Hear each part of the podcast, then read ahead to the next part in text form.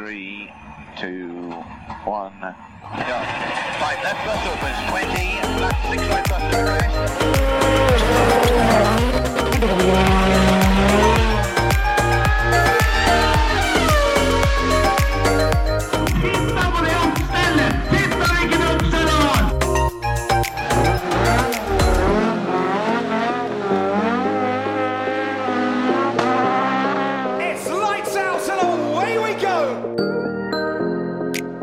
Velkommen til føremøtet. Nok en episode, og eh, denne uka her er det vel ratt påskespesial påskespesial. Påskespesial. Påske. Og siden folk ikke kan dra på hytta, så eh, har vi en liten godbit på lur. Vi har Jesus som gjest. Omtrent eh, det. Jeg har eh, spent på meg pulsklokka, for det, i dag tror jeg jeg kommer til å føle meg sliten bare med å, å være her. For det, vi eh, kommer etter hvert til å få, få besøk av sjølveste mannen, myten, legenden Jesus. Jesus.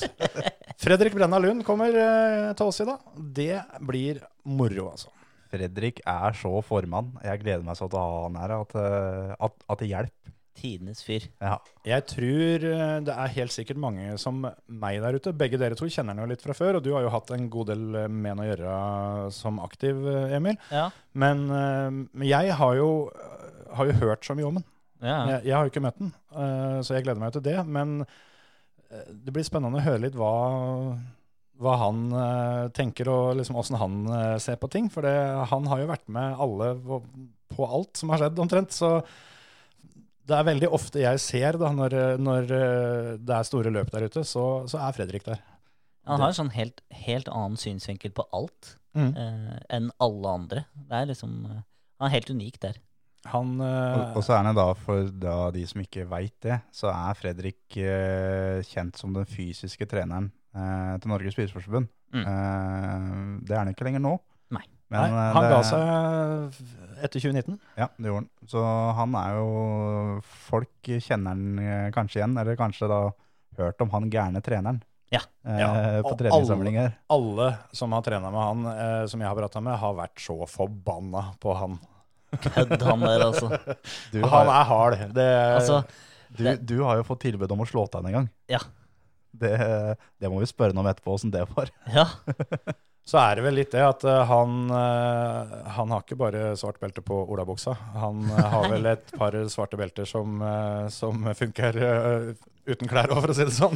Vi, vi, kan si, vi kan si det sånn at hadde jeg slått den, så hadde jeg fått grisedeng. Jeg tror vel ikke den handa di hadde funnet kinn. Nei, altså, uansett, da, så, så var jeg såpass smart at den, den situasjonen der, den eh, tok jeg og evaluerte, og bare fant ut at det lureste, det er å gi faen. En god gammeldags, eh, god gammeldags risk reward-sak der. Det er, Veldig det er jo, sånn der, Det er jo eh, alltid det før slåsskamper. Det er sånn eh, Klarer jeg å få tatt han her? Ja, han her klarer jeg. Vi prøver, vi kliner til.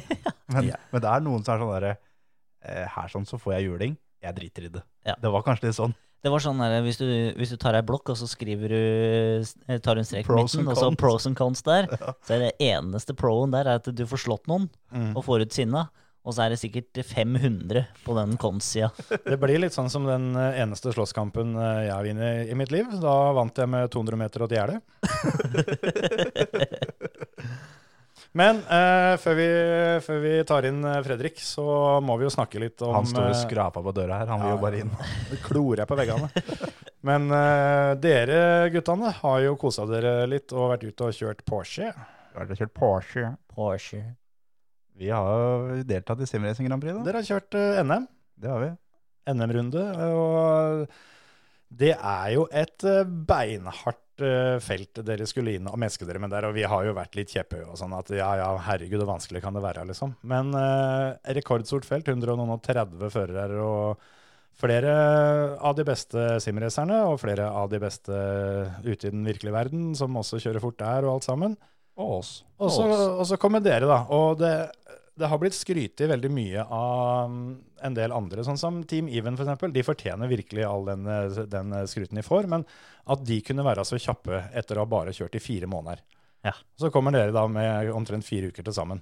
Ja. Og så var det rett i A. Ja. Rett i A, gutter. Rett i A. Bang.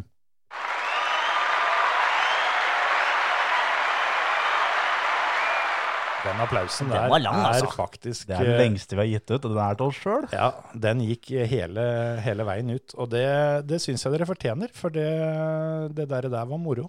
Det, det var altså så ekstremt, eh, for vi kjørte da Det er prekvalifisering på en halvtime. Eh, de 30 beste går til A-finalen. Eh, 30 neste til B-finalen alt sammen. Eh, ingen av oss følte at vi fikk det til på den prekvalifiseringa. Mm. Vi var så usikre på om det er holdt. Eh, ingen av oss var i nærheten av personen i beste runde vi har kjørt engang. Eh, og så må du sitte og vente. Og så må du refreshe da den sida hvor det kommer opp. Da står det 'din finale er', og så står det A-finale, B-finale, hva det er for noe. Og så refresha da Preben, og han fikk A-finale. Og da jeg og Emil trykte omtrent helt likt.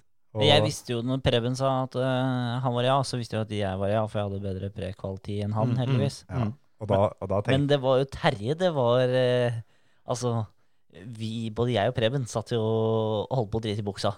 For Ja, ja. eh, det her, det kan ikke holde. Og så begynner du du å regne litt sjøl, og så sånn Og det kan holde. Og så tenker du nei, jeg kan ikke stole på det. her, Dette holder ikke. Og så sitter du sånn fram og tilbake. Og jeg var jo halvannen tiendedel bak dere på prekvalen, for Ja. det gikk ordentlig dritt for min del. Og så refresha jeg A-finale. Ja. Det, den lettelsen der, det, er, det var så ekstremt, og det var så moro. Jeg klarte det med 83 hundredelers margin. Altså, det hørte jo ikke du. Men eh, når, eh, når han refresha, så hørte jeg bare sånn Ja!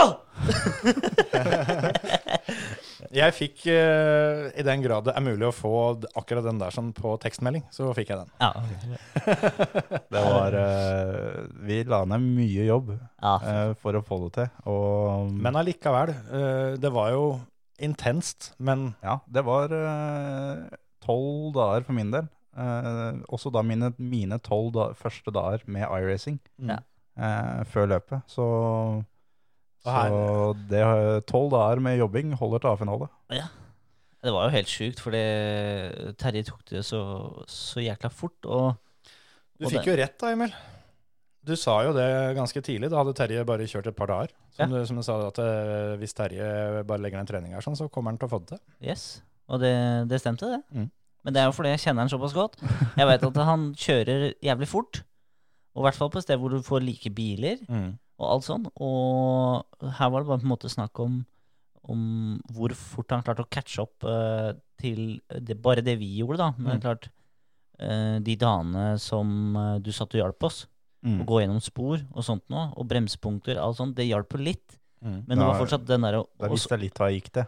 ja, men det var det derre å, å bli vant til bilen og bremsene og hvor mye kan trykke, og det var liksom sånn og, og Du måtte lære deg det først, og så kunne begynne å ta i bruk noe av det som du har liksom hjulpet oss med Mm. i alle dagene. Sånn at det, det var eh, latterlig fort du tok det. Ja, det, Så det, gikk det, er jo helt sjukt. Det, nei, det var, det, var, det var så gøy. Og når vi kom til A-finalen, så var på en måte målet nådd. Ja. Eh, så starta vi kvalifiseringa, og da bestemte PC-en min seg for at eh, nok er nok. Nå Nå- har du gjort ditt. Nå har Jeg vi, lova å ta deg til en A-finale, og my job here is done. ja, nå har vi begge gjort det vi kan. Nå er jeg ferdig.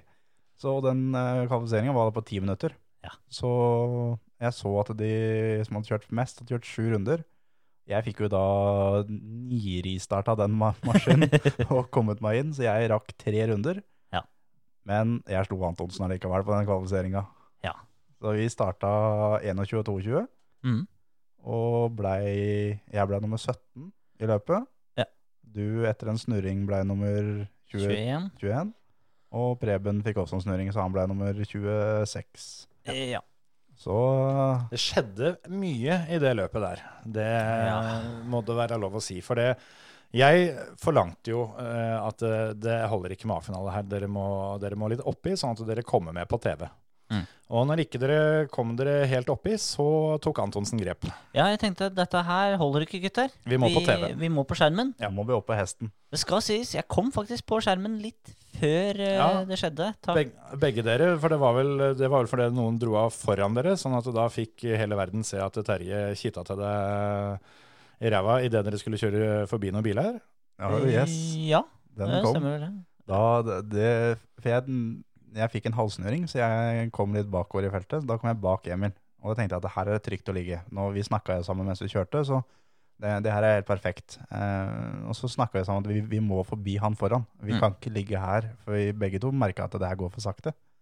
Mm. Eh, og så tenkte jeg at hvis det er én sjåfør som ikke uventa bråbremser, Mm. så er det Emil. Så jeg, jeg kan ligge tett på han. Eh, jeg veit at det her er ikke noe farlig. Ja. Kom vi på toppen av bakken, eh, inn i turn 2 på Road Atlanta, og da var det noen foran deg igjen som brårensa. Ja. Så når jeg da hadde liksom fått klem på boggen da, og lagt tredjegiret på den Porscha, og liksom fått liksom litt sånn skikkelig drag på dette her, sånn, så ble det bråstopp. Og jeg lefsa til deg det som det, det, det gikk. Yes, sir. Og etter det så mangla jeg mye toppfart, men det, det fikk bare verre. For jeg hadde sammenlagtlederen i NM foran meg, Mm. som også var uheldig. Eh, Karl Fredrik Hershaug. Og um, han så det smalt rett over kuren der, og når du ligger på den lange, lange, lange rekka der, så ser du ikke en jævla dritt foran deg. Ingenting. Ingenting ser du. Du ser bilen foran. Ja, og han fikk jo dette foran seg, så han så jo det.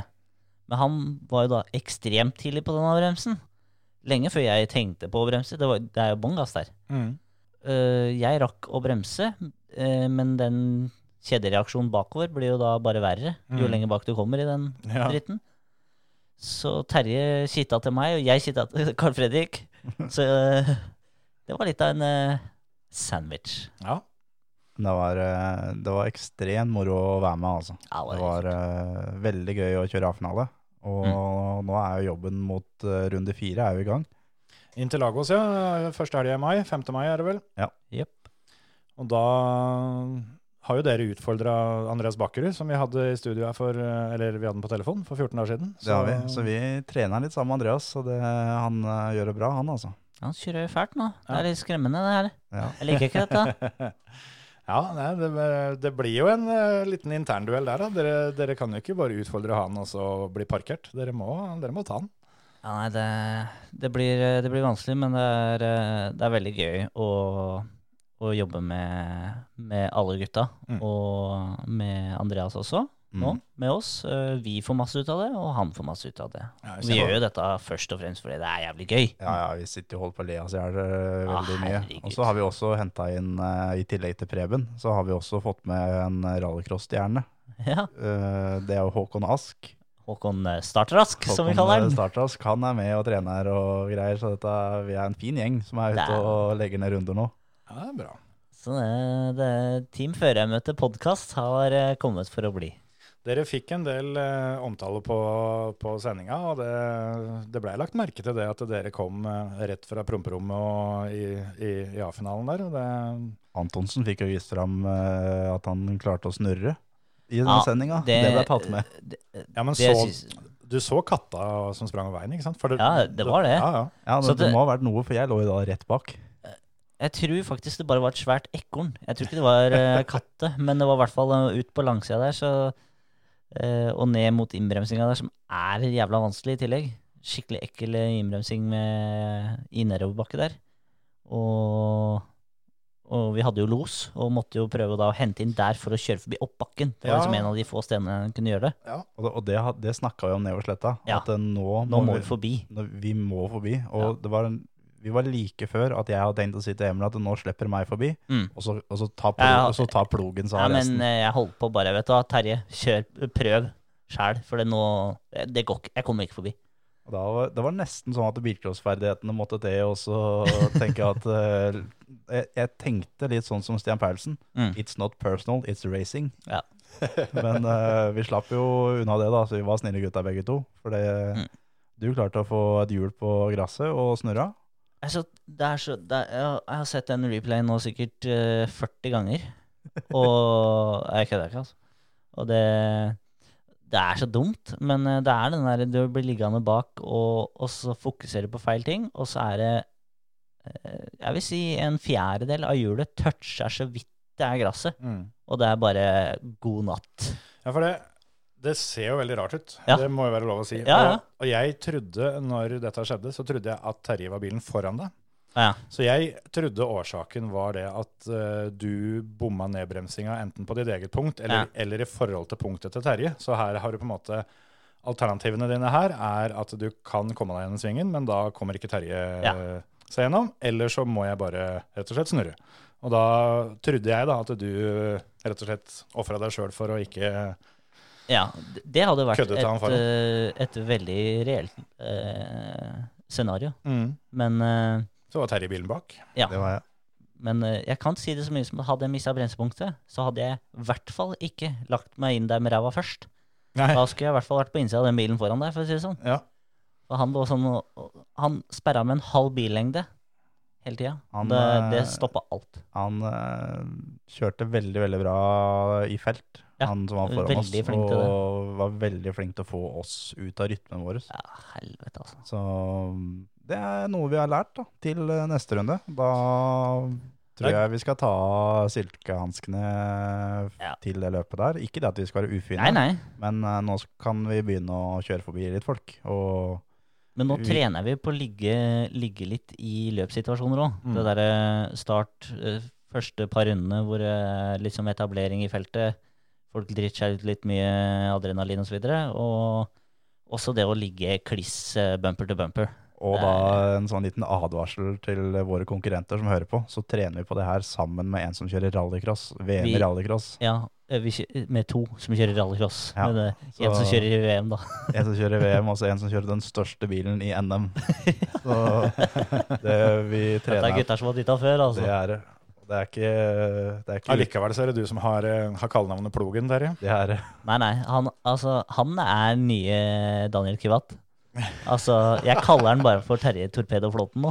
Ja, ja, ja. For det, det går i tor torpederinger her. ja, ja, det er eh, Guttene må lære litt da, av det òg, så de veit hva, hva som skjer. Ja, det som ikke dreper deg, det gjør bare at du får skikkelig vondt. Ja. Er ikke det?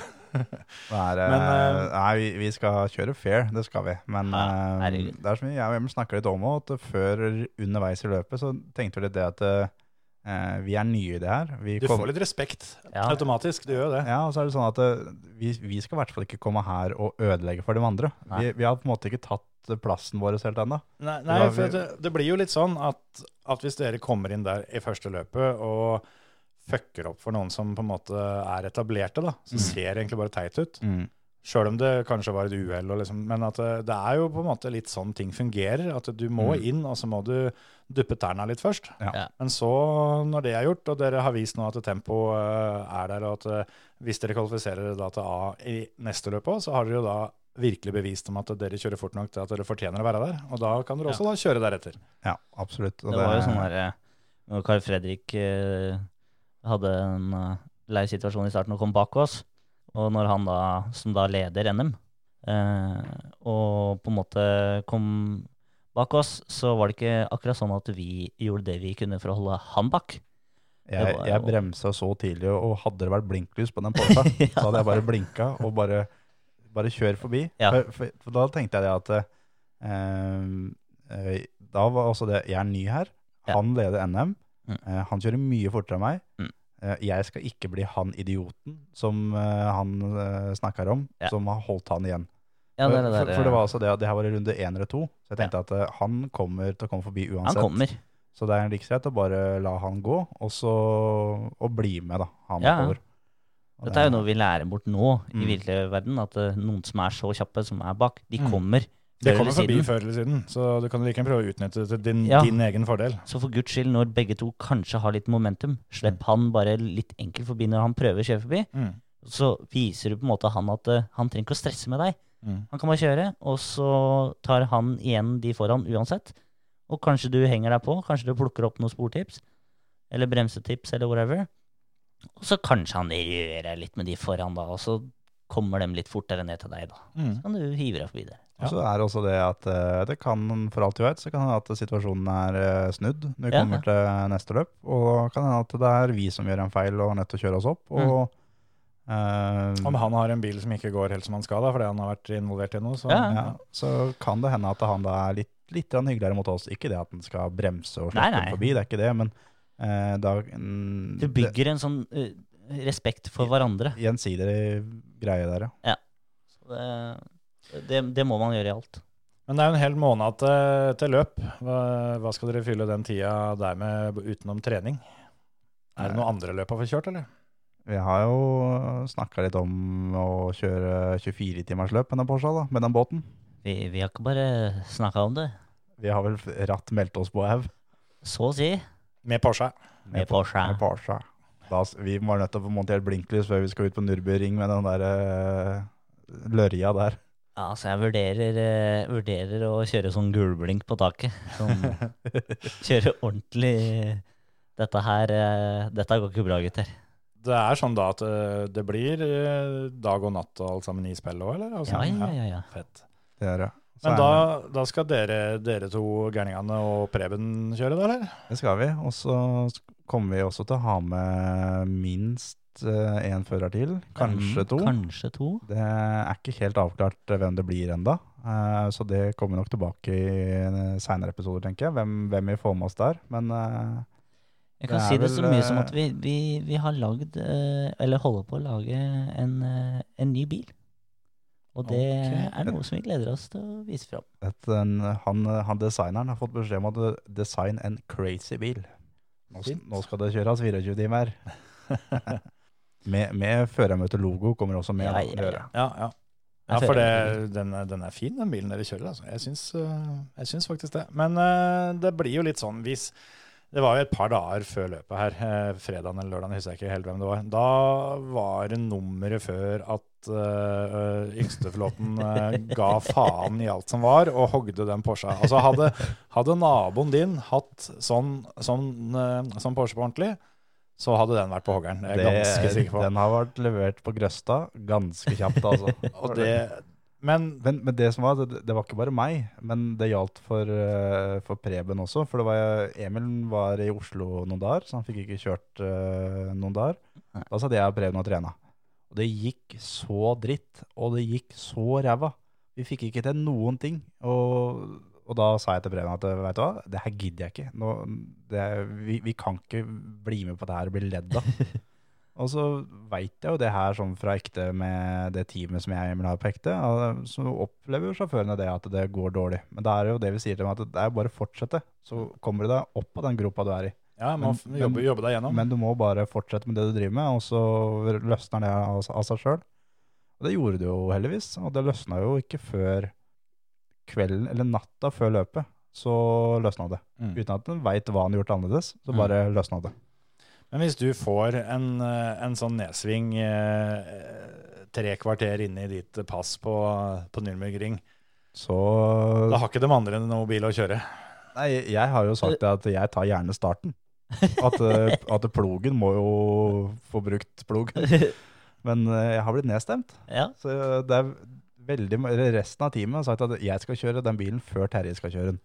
Du fikk sistepass, med andre ord. Det, det, det regner jeg med at jeg kan hende jeg skal ta den Porscha i mål. Men eh, Ja, for det, det er jo ikke sikkert det er så kult heller for, for dere andre, da, når dere har lagt ned timevis med blod og slit her, og så kommer Terje, og så altså det går an å ta print screen av hvordan det ser ut når du er ferdig å kjøre, heldigvis. Så det, det er det som er litt, uh, litt kinkig med sånn 24-timersløp, at uh, det er mye av skader vi kan få reparert i pitten, men det er også mye skader vi ikke får reparert. Som det kan hende at vi er nødt til å kjøre alle 24 timene med. Ja. Så det gjelder å kjøre litt med innsida av huet der, og vi eh, har noen på laget som har kjørt på den banen på ekte, heldigvis. Ja. Som er veldig dyktige og kan lære bort tips om banen til oss. For det, Mm. nå er ikke bilen det største problemet lenger. Nå er det banen. nå er det banen. Og det er virkelig banen. Og så er det jo en, en avveining her, da, gutter. Så hvis jeg skal ta på meg hatten som eh, den eh, sjølinnbilte teamsjefen her altså Dere kan ikke, dere kan ikke ofre 14 dager eh, Interlagos-trening for å lære dere Nürnbergring, altså. Det gjør vi ikke. Nei, vi, vi, vi har ikke tid til det. Vi tar litt, eh, litt overlapping, men vi har også tenkt på litt sånn at eh, eh, hvis en får kjørt Nürburgring eh, feilfritt med den Porscha, så går alt annet fint med den Porscha. Ikke sant? Ja. Godt poeng. For det, det er den samme bilen, og da ser vi også litt for oss at Interlagos vil gå litt enklere. Og vi er allerede nede på ganske respektable tider, ifølge oss sjøl i hvert fall, på Interlagos. Så, og det er med ganske lite trening der. Ja. Men gutter, nok om Porsche. Så Ja. vi tar inn Fredrik. Jeg tror vi må hente inn uh, mannen, myten, legenden, Fredrik Brenna Lund. Ja, da har vi fått besøk. Det har vi. Ja. Trivelig besøk òg. Ja visst. Det syns jeg òg. Velkommen til uh, sjølveste Fredrik Brenna Lund. Takk for det. Hyggelig å komme hit.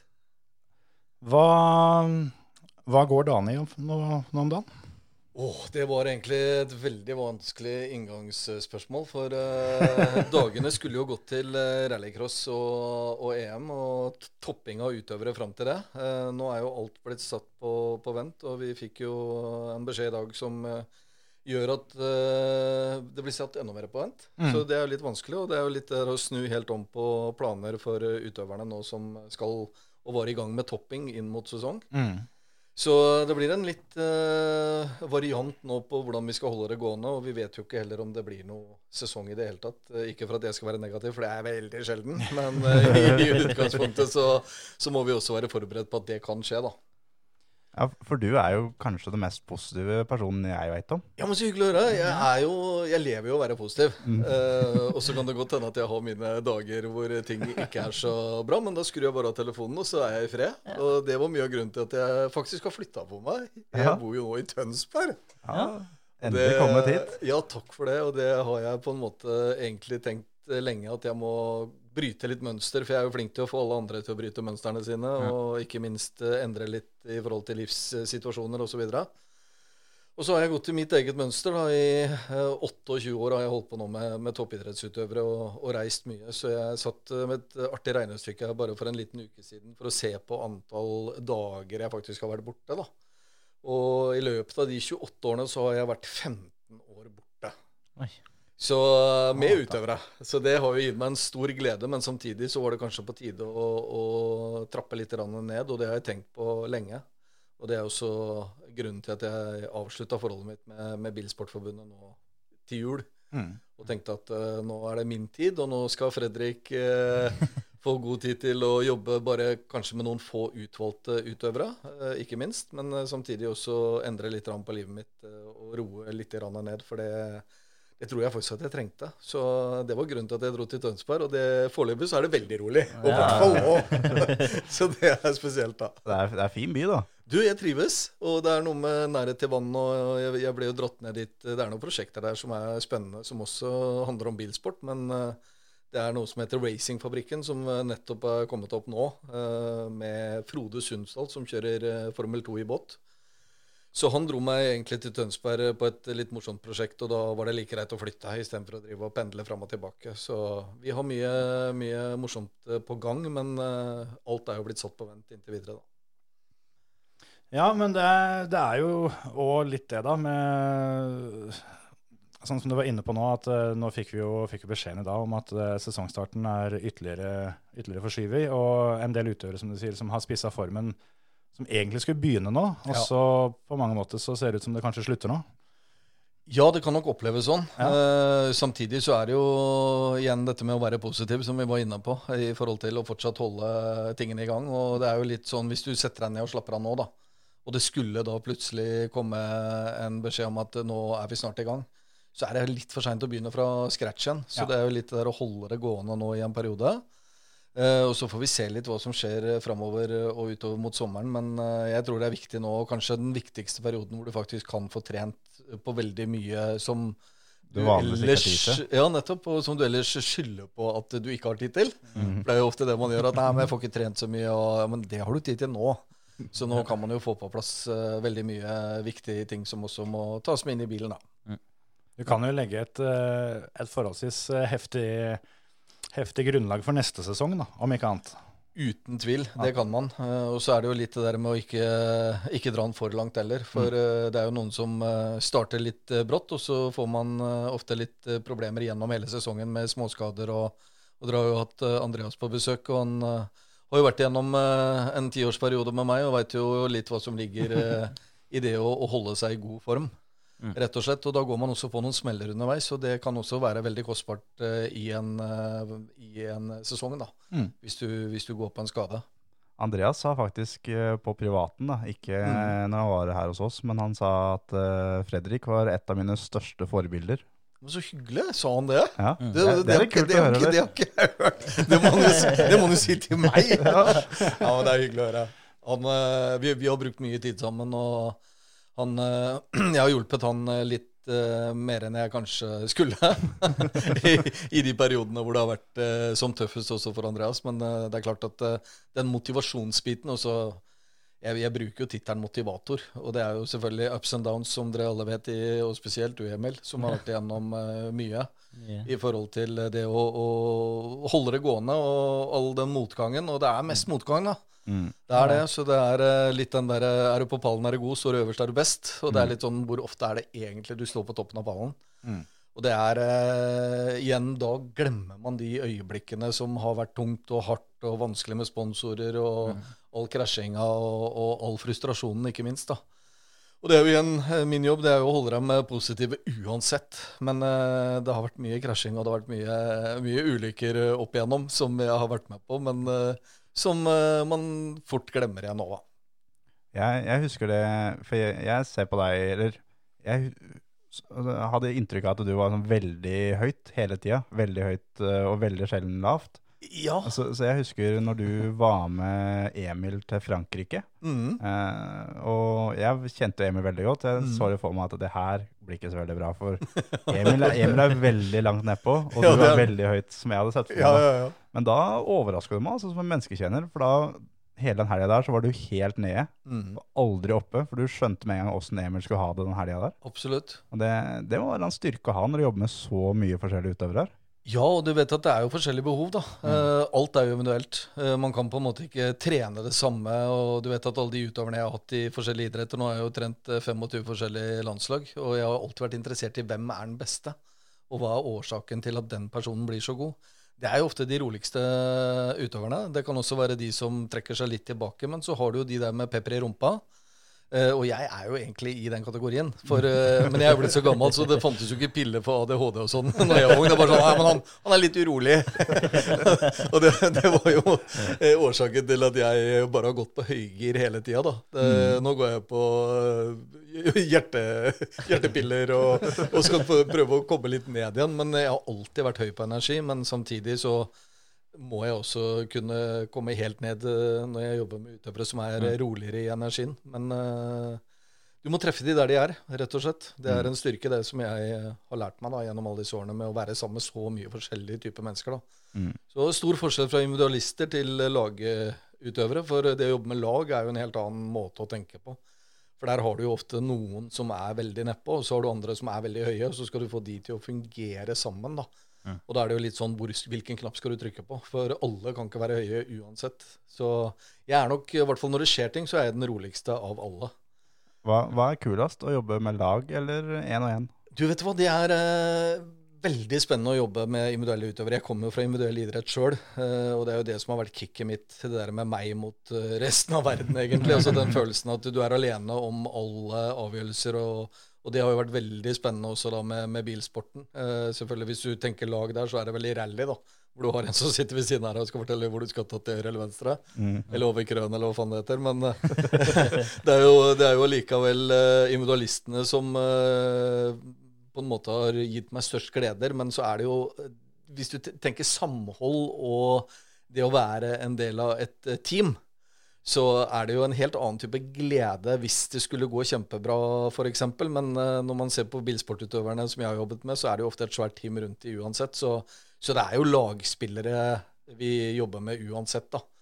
For det er ingen som har blitt best aleine. Du må ha folk rundt deg, og jeg er jo en del av et lag uansett. Mm. Sånn som jeg ser på meg sjøl, da. Men eh, åssen var det for deg, Emil, å ha med deg Fredrik på, på løp? Det var jo først og fremst veldig gøy, da. Ja, Det er liksom, det er liksom Ja, det er dritgøy. Og det, det er liksom eh, Du trenger aldri å tenke på stemning, da. Og det er veldig avslappende, i hvert fall. Og jeg syns i hvert fall det var veldig, veldig behagelig, for jeg er jo, ja, som sagt, veldig rolig. I er hvert fall når jeg kjører. Så er det Det er det jeg liker med Likme. Liksom, Mm. Ta alt rolig, og så, og så våkner jeg litt eh, når visiret går ned. Ja, du, du var jo en sånn type som likte å kjøre deg varm. Ja. Du vet at eh, hvis du skulle gått inn på internasjonale arenaen i dag igjen, da, Mm. Eh, nå er det noen år siden eh, Ja, du var, eh, var på topp. Ja, ja, men, eh, men du vet at den endringen er blitt ganske stor. Mm. Eh, og du ser jo Jeg var jo egentlig kanskje en av de første trenerne. Jeg var jo med Stian Sørli når han gikk over i, fra gokart til formelbil. Og da var jo Stian var jo den første nordmannen som vant en EM-runde i Finland. Mm. Og etter det så ble jo jeg spurt av forbundet om å komme inn på et prosjekt, for da var det en fire-fem utøvere de hadde som de mente var eh, på et litt høyere nivå enn det egentlig forbundet kunne noen ting om. Så de henvendte seg til Olympiatoppen. Og vi hadde jo da møte en gang i uka med fordeling av arbeidsoppgaver. Om du skulle da trene damelandslaget i håndball, eller om du skulle være med alpinisten, eller om du skulle jobbe med friidrett, eller hvor du eventuelt skulle neste uke eller i framtida. Og da var det sånn at vi leste opp også da noen henvendelser som kom utenfra. Og Bilsportforbundet var jo, og er heller ikke medlem av eh, Idrettsforbundet. Så når eh, det brevet ble lest opp, da, så var det litt sånn Alle hadde egentlig begynt å pakke, for vi var klare for at eh, ok, nå er vi ferdig med arbeidsdagen, så nå stikker vi. Og så sier Finn Aamodt, som var sjefen min, at eh, nei, vi har fått en henvendelse her, forresten. Og folk bare åh, fy faen, hva er dette for noe? ikke sant? Så begynte å lese, ja, vi, vi, har fått et brev fra Bilsportforbundet, ikke sant? Med litt sånn latter, da. Og bare ja, Hva faen er dette for noe, liksom? Ja, de, og så fortalte han at det var noen som ønsket å, å få til en treningssamling eventuelt for eh, noen talenter.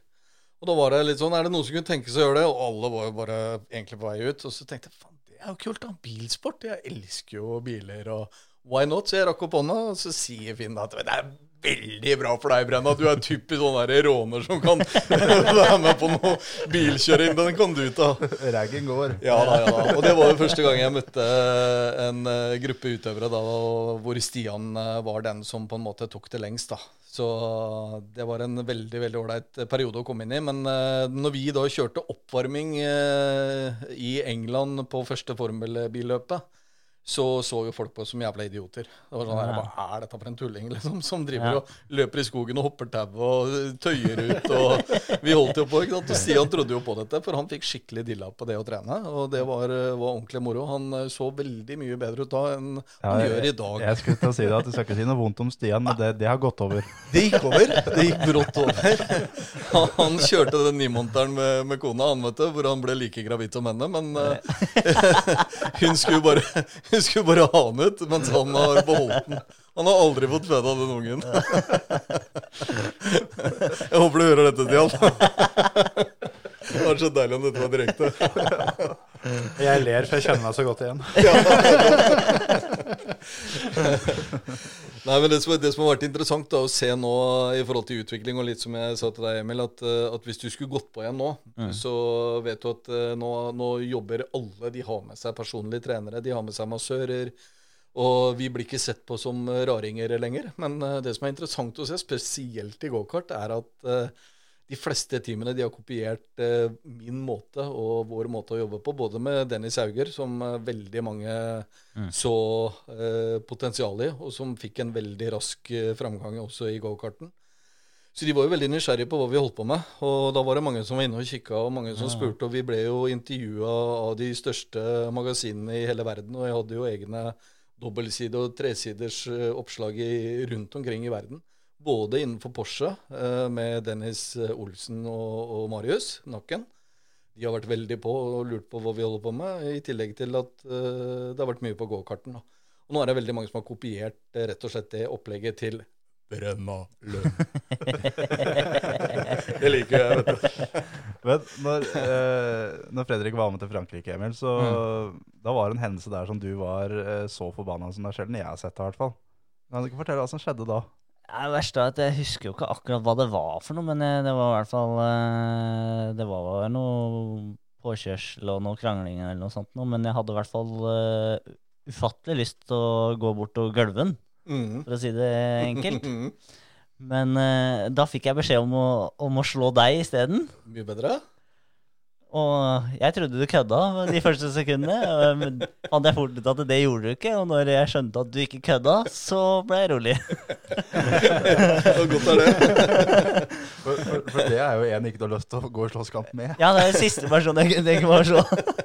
Det, det er hyggelig å høre. Ja. Fortsatt. ikke, ikke bare fordi det er ålreit, men jeg hadde fått grisebank òg. Det skal du ikke se bort fra, Emil. Men jeg hadde nok gitt deg, deg ett slag og ett kvarter å gjemme deg på. Ja. Hadde løpt fort i et kvarter, altså. Ja, men Nei, det, men det er greit å få ut aggresjon. Ja. Uh, og det, det er mange ganger jeg må ta tak i utøvere som er uh, sinte og, og sure. Og jeg husker spesielt med, med Dennis Olsen første gang jeg var med han. Da var han jo tolv år. Uh, Nede i vintercupen og i Hva er det det het for den her finalen, da? Eh, Største VSK? Ja, VSK vinterfinalen, eller vinter... Jeg husker, husker ikke hva det heter. Men det er liksom bare Det er vel bare han og Haugern har vel vunnet, han òg, tror jeg. Og så er det jo uh, nå, da. Martinus. Så vi har jo tre nordmenn som har vunnet det løpet. Men det er liksom det største på, som er eh, sesongstart, egentlig. Mm. Men uh, da fikk jeg klar beskjed av uh, pappaen til Dennis at han har temperament. Og når han klikker, så måtte jeg ikke finne på å gå bort til den gutten. Og det, Da- du, og da det er første du Ja, gjorde. det- allerede da så gleda du deg. ja, ja, ja. Det er En tolvåring, ikke sant? Han hadde jo ikke hår på lille gutt engang. Men, men uansett så, så skjedde det jo da selvfølgelig noe i innledende Eller på en eller annen trening hvor han klikka, da.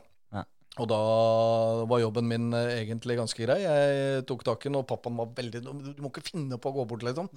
Så gikk jeg bare bort til den sure tolvåringen som satt og sparka i gresset og var sint på karten sin. Og så tok jeg bare tak i den og, og holdt litt rundt den og prata litt med den. Og så fikk jo han eh, fort respekt, han. Men eh, vi fikk jo en veldig god tone med en gang fordi at jeg gjorde noe annet enn det han var vant til. For han fikk, Mm.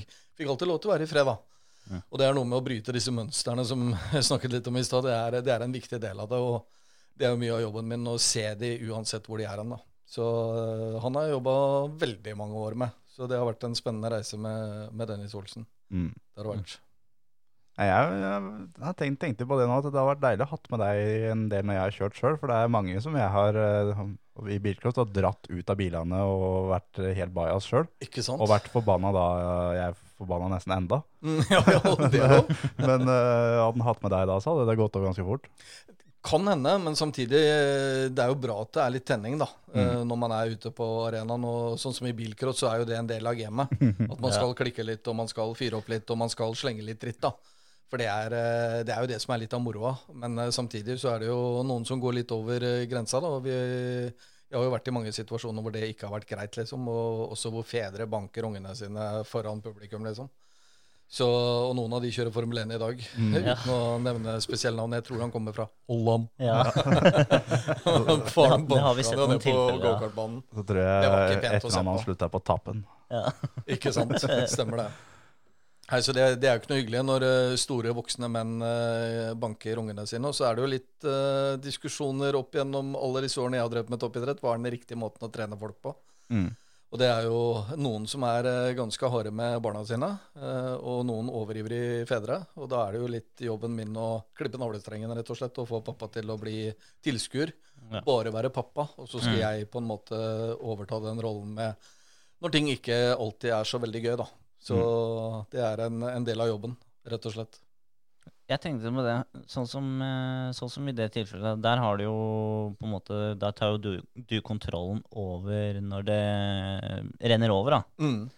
Men eh, gjør du mye med, eller jobber du mye med, med hvordan de håndterer at det går bra? Ja, det gjør jeg. Og det er jo litt tilbake til eh, det man snakker, man snakker mye om visualisering. Og så er det litt sånn øh, Hva er det for noe igjen? Og visualisering det handler jo veldig mye om å ta med de gode øyeblikkene. Den amerikanske modellen på coache utøvere er jo at det er fem ganger ros, én gang ris.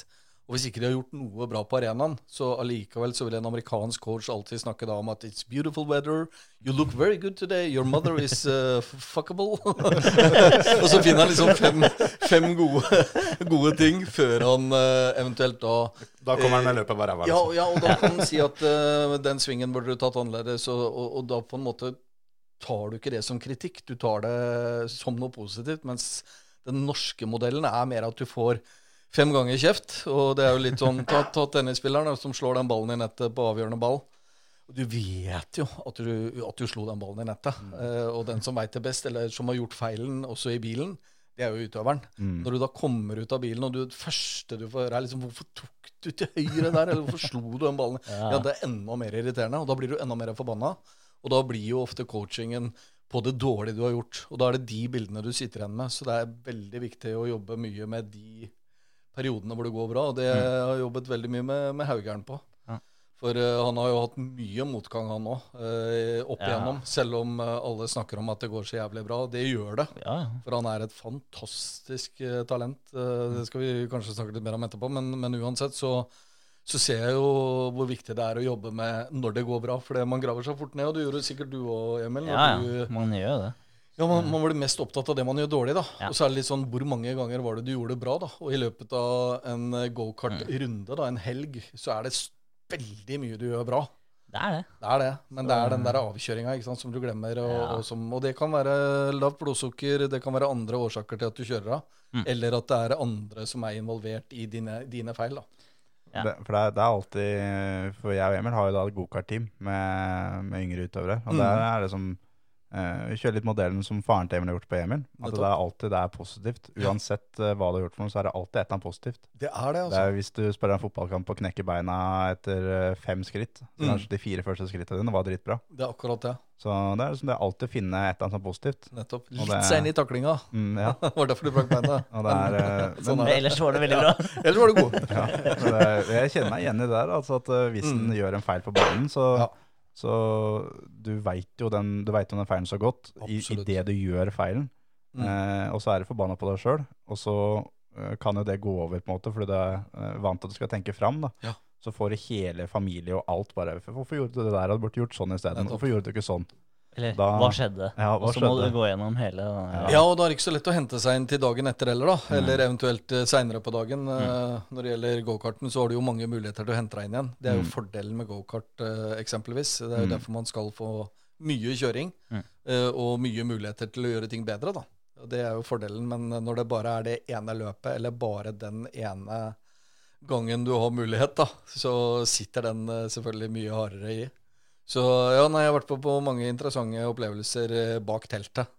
For å si det pent, med kjefting og hyling og skriking og grining og, og nesten skilsmisser pga. du kan ikke reagere sånn. Så begynner foreldrene å krangle om hvordan man skal eh, behandle barna. Det er en grunn til at de er der. Mm. Så det er en viktig rolle, rett og slett. Og, og mye av jobben min er jo å beskytte utøveren, rett og slett. Det er det.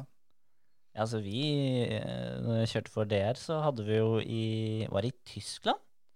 Hvor eh, hun eh, rumenske Ja, det var Husker Tyskland, ja. om det var Tyskland, ja. Mm. I hvert fall, så var det i hvert fall, Vi hadde jo en egen matavdeling i teltet bakerst, Ja. eh, inn på sida der. Og eh, vi kom inn, da hadde vi De kjørte jo før oss. Så når vi kom inn i teltet, så hørte vi noe grining og og noe ordentlig kjeftsmelling på rumensk. Og var, hun var jo da tolv år. ja, Tolv eller om år hun var gammel jente. 13 eller sånt, tror jeg. Jeg Ja. tror hun var litt eldre, men i hvert fall eh, eh, Det var jo da ei jente, da. Mm. Og da tenker du i hvert fall at der skal du på en måte gå enda litt eh, penere til verks, da. Ja, det er litt andre typer følelser. Ja. Mm. Men uh, når vi da runda hjørnet for å se hva er det som skjer her, så lå hun og tok pushups. Med, med faren skrikende Ja. over.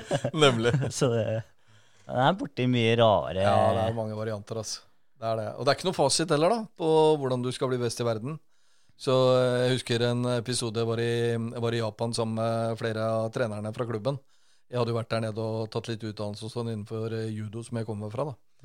Men uh, måten de trener barn på, det var det vi var interessert i. For vi tenkte at uh, vi kan jo ta med oss det hjem til Norge.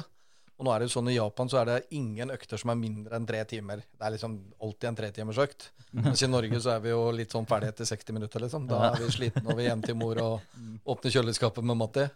Da har det vi gjerne eh, tøyd det siste kvarteret. Ja, det er akkurat det. Men på slutten av den treninga da, så var det disse småtassene fem-seks år som eh, ble kalt fram. Og da var det to stykker som eh, måtte reise seg opp og gå fram til treneren.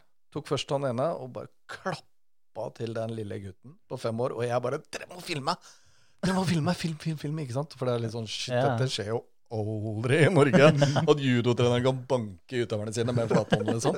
Så jeg så jo for meg liksom Nå skal det bli gøy å bli, komme hjem og, og kjøre ny taktikk på treningen.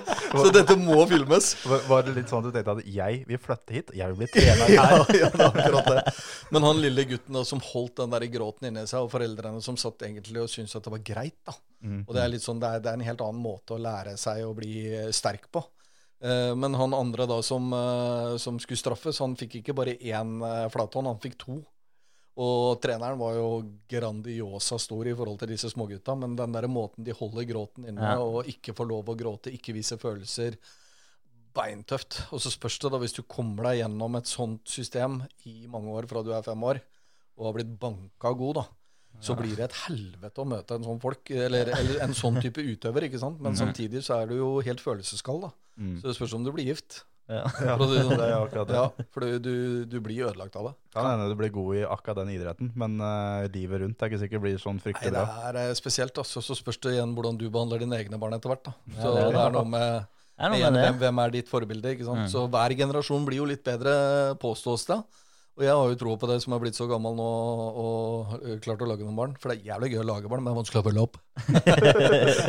men, men i utgangspunktet så, så er det den derre måten eh, man skal eh, ta vare på sine egne på, den, eh, det er ikke noe fasit på det heller. Det er ikke det, altså.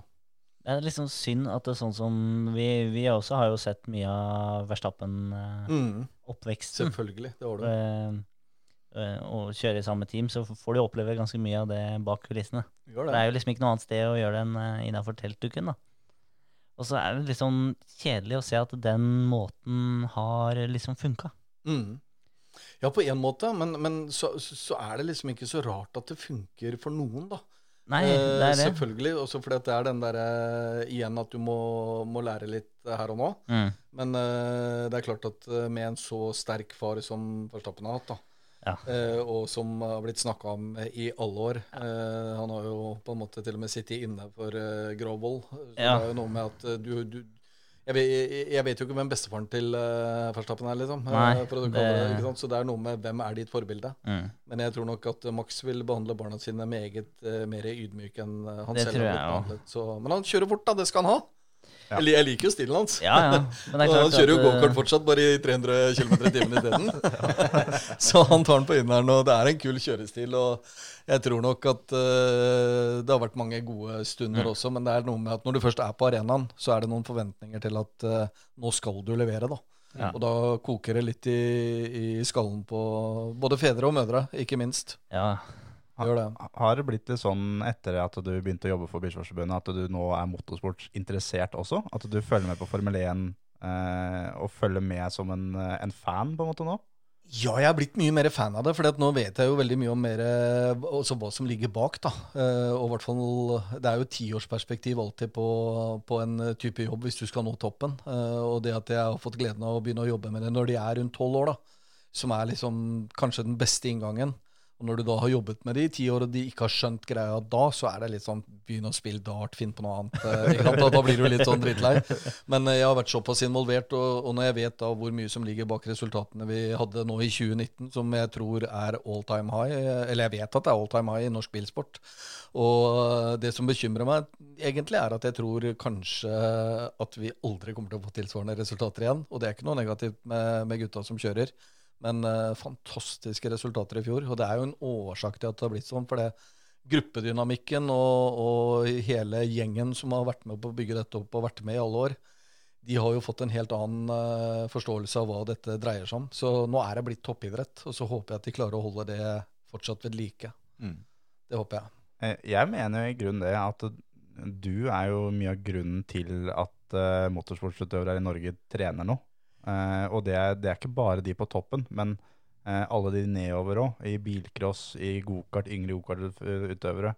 Uh, for ti år siden, da. Så det var jo aldri et tema inntil det da. Skulle du kjøre bilcross, så ja, hva fordelen av å ha litt ekstra vekt i bilen, liksom. Ja. Nå har jo folk skjønt det, at de er nødt til å trene. Og det er jo mye av din ære, akkurat det.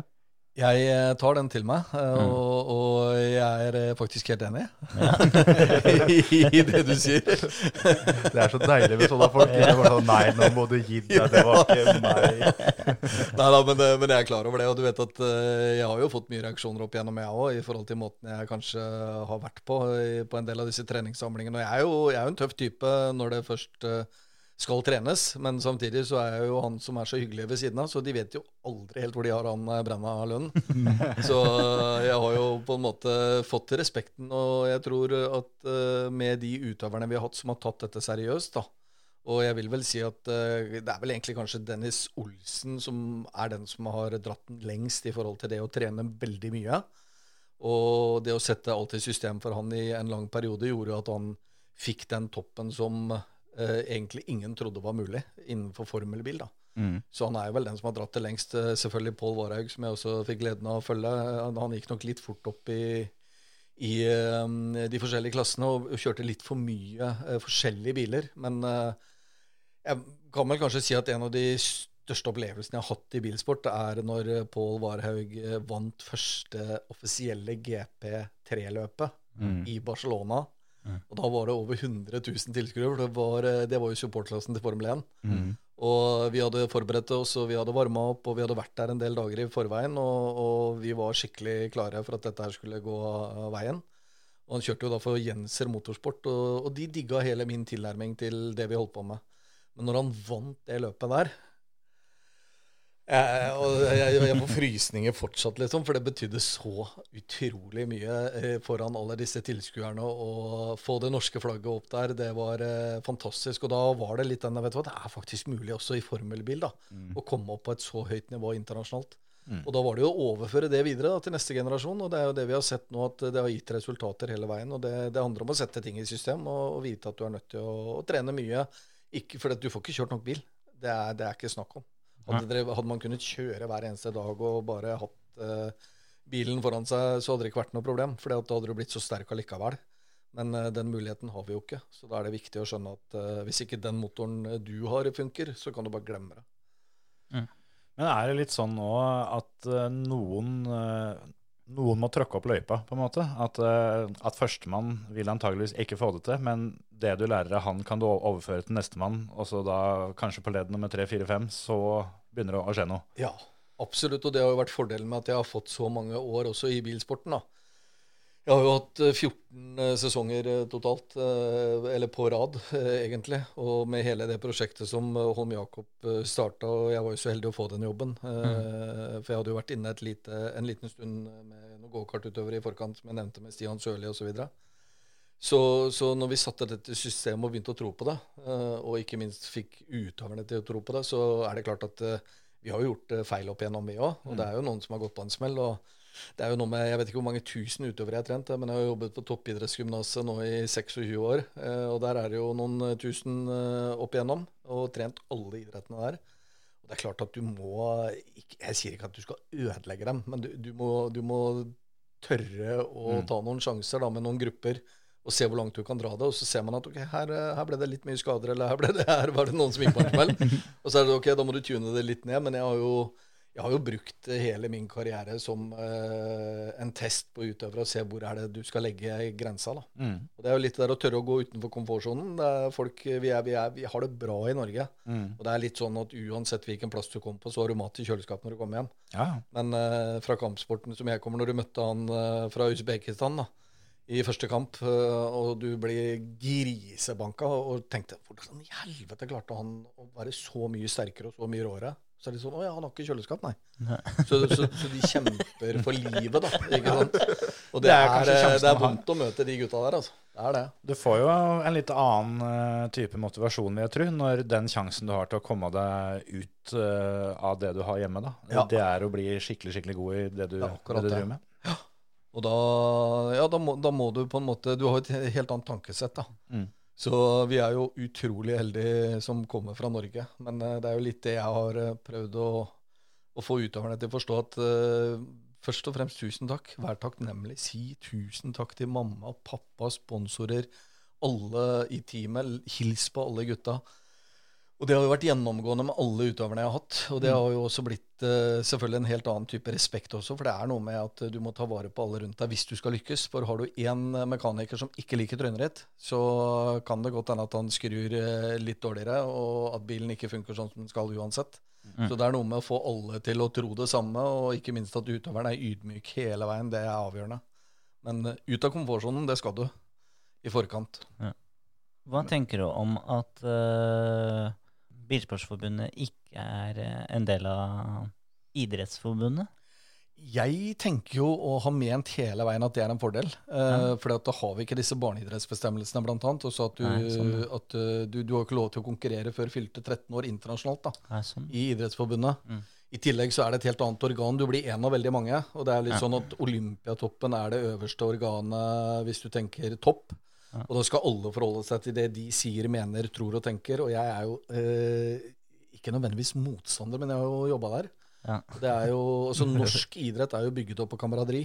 Mm. Og det er jo det som er problemet. Du ansetter kompisen din, eller at du, du kjenner Eller dama har en PT-kompis, og så ansetter man trygge folk rundt seg hele tiden. Er, Og sånn utviklingen blir veldig, veldig dårlig, da. gutteklubben-grei hele veien. Det er det, altså. Å se på Fotballforbundet, ikke sant? som at de samme lederne de bare bytter roller. da. Så En dag så er du landslagstrener, og neste gang så er du fotballekspert, og så er du ikke sant? Så Det, er, det er bare tull.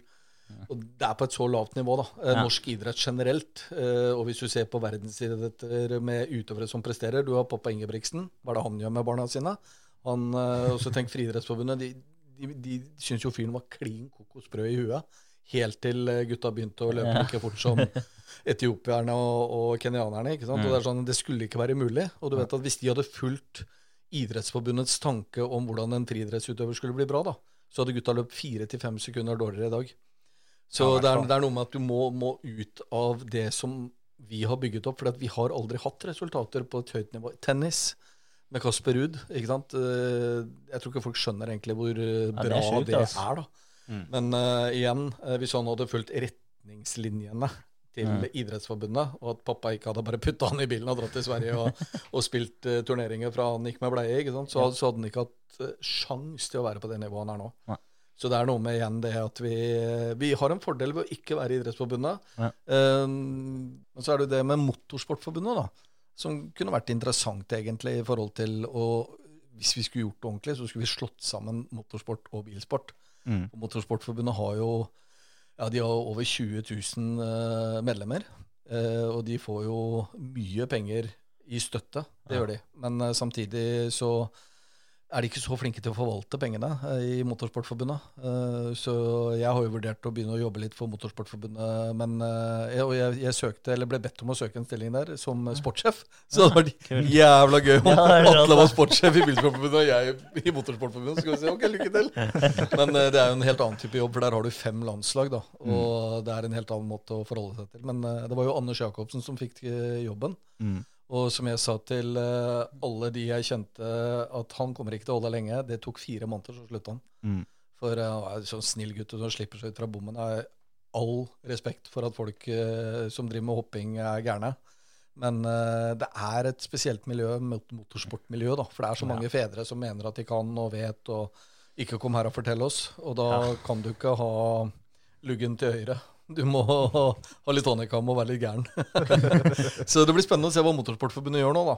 Ja. Så, men eh, jeg kunne godt tenke meg å bidra mer i, i eh, motorsport generelt, da. For jeg syns jo jeg har veldig respekt for folk som setter livet sitt på spill. Det er, det er, ja, men det er en måte å, å se det på. Det er liksom Ja. kampsport. Også hvis du ser på UFC, liksom, hvis du går inn i ringen der og lukker buret, Ja. du skal være så jævlig klar.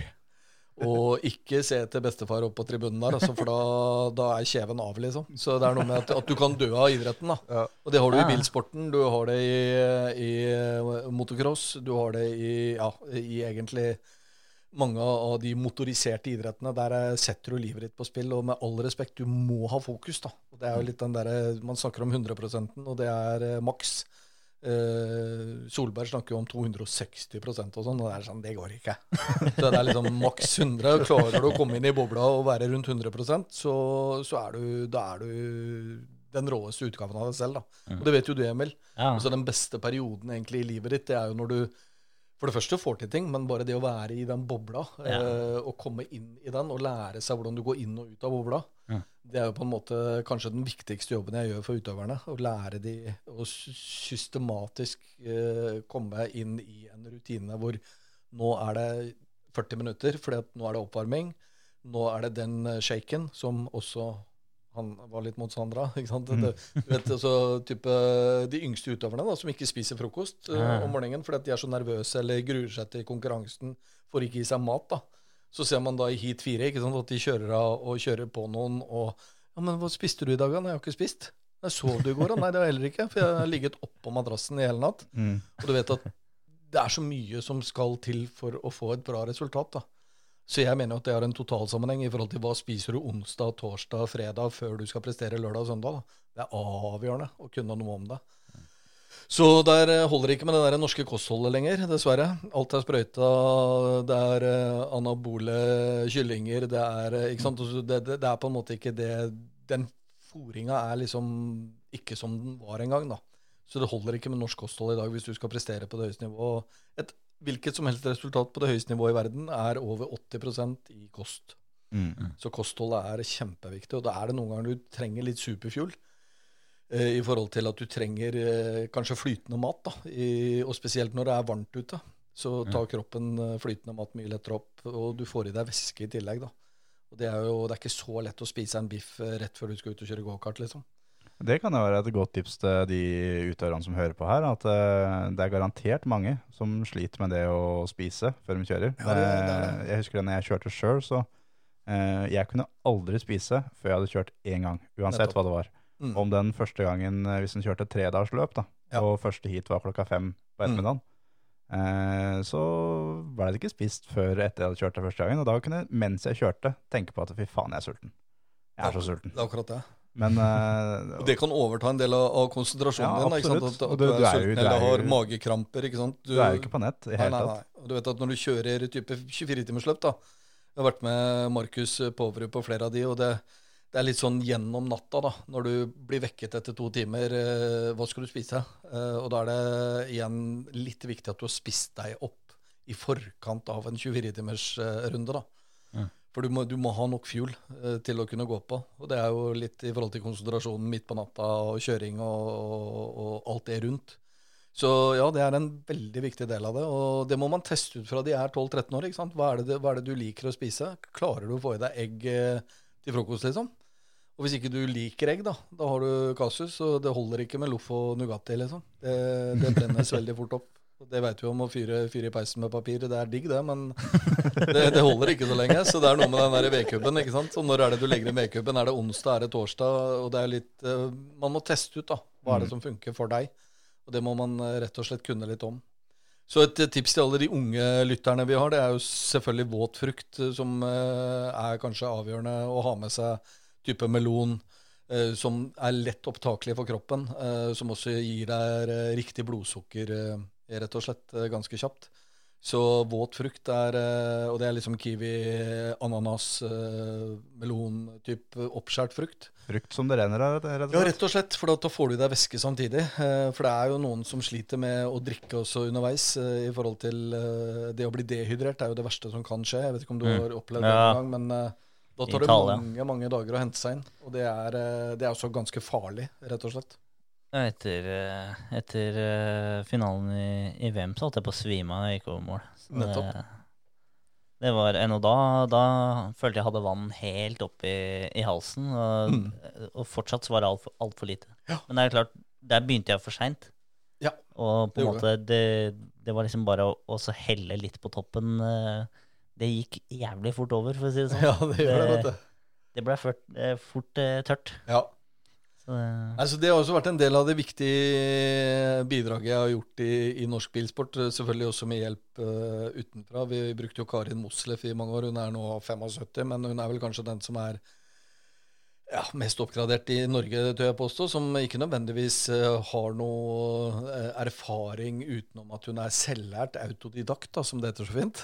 Hvis man ønsker å bruke en tittel. jeg, jeg husker, eh, husker på en sånn treningssamling som jeg var med på når jeg Ja. var utover.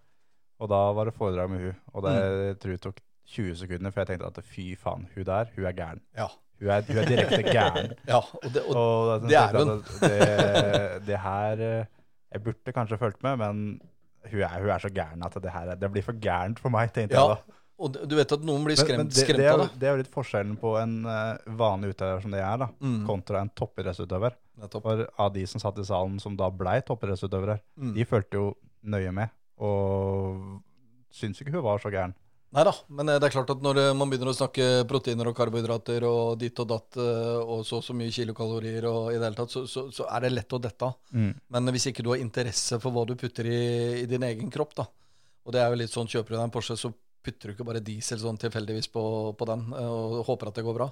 Så det er noe med å ha den flybensinen i kroppen òg. Hvis ikke du er interessert i det, så vil du eh, få mange fall, da, og blodsukkerfall, som gjør at uh, du mister konsentrasjonen, og, og da går det ofte gærent. Jeg skjønte under den eh, treningssamlinga der, først da med trening med deg, og så på det foredraget, at det er greit. Jeg blir bilcrossutøver. Jeg, blir, eh, jeg, kom, jeg, jeg kommer ikke noe videre fra det gokartgreiene. Jeg blir bilcrossutøver, for det greiene her, det går ikke for meg.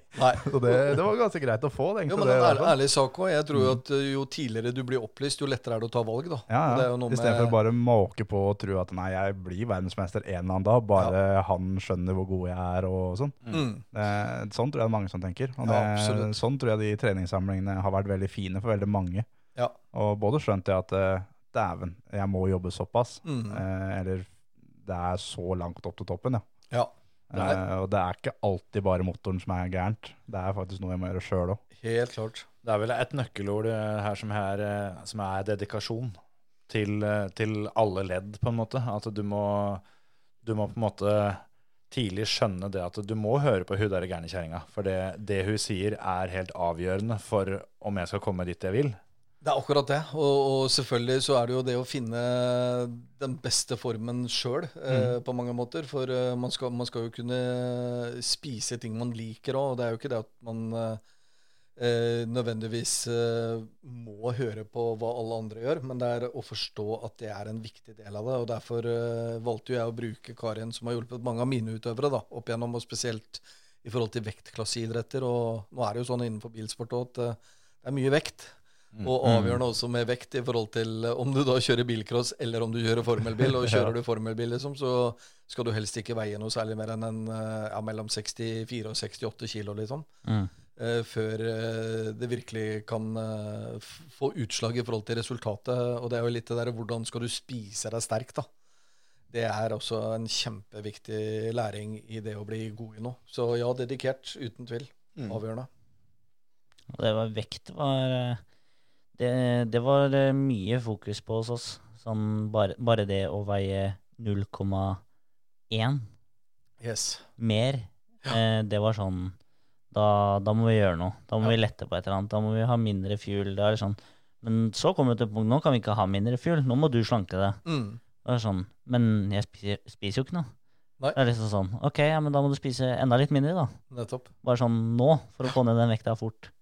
Ja, og det, det er jo litt sånn feillæring, da. For Ja. at du vet at eh, problemet da når du er barn, da, Mm. eh, og hvor du faktisk trenger energi, så var det jo sånn med Dennis Haugro, som hadde noen italienske mekanikere i CRG-teamet, som uh, var veldig negative til uh, meg i starten, i forhold til at jeg kom da og lagde en joik og fikk inn litt ekstra, og de var jo så opptatt av at han måtte ikke finne på å spise.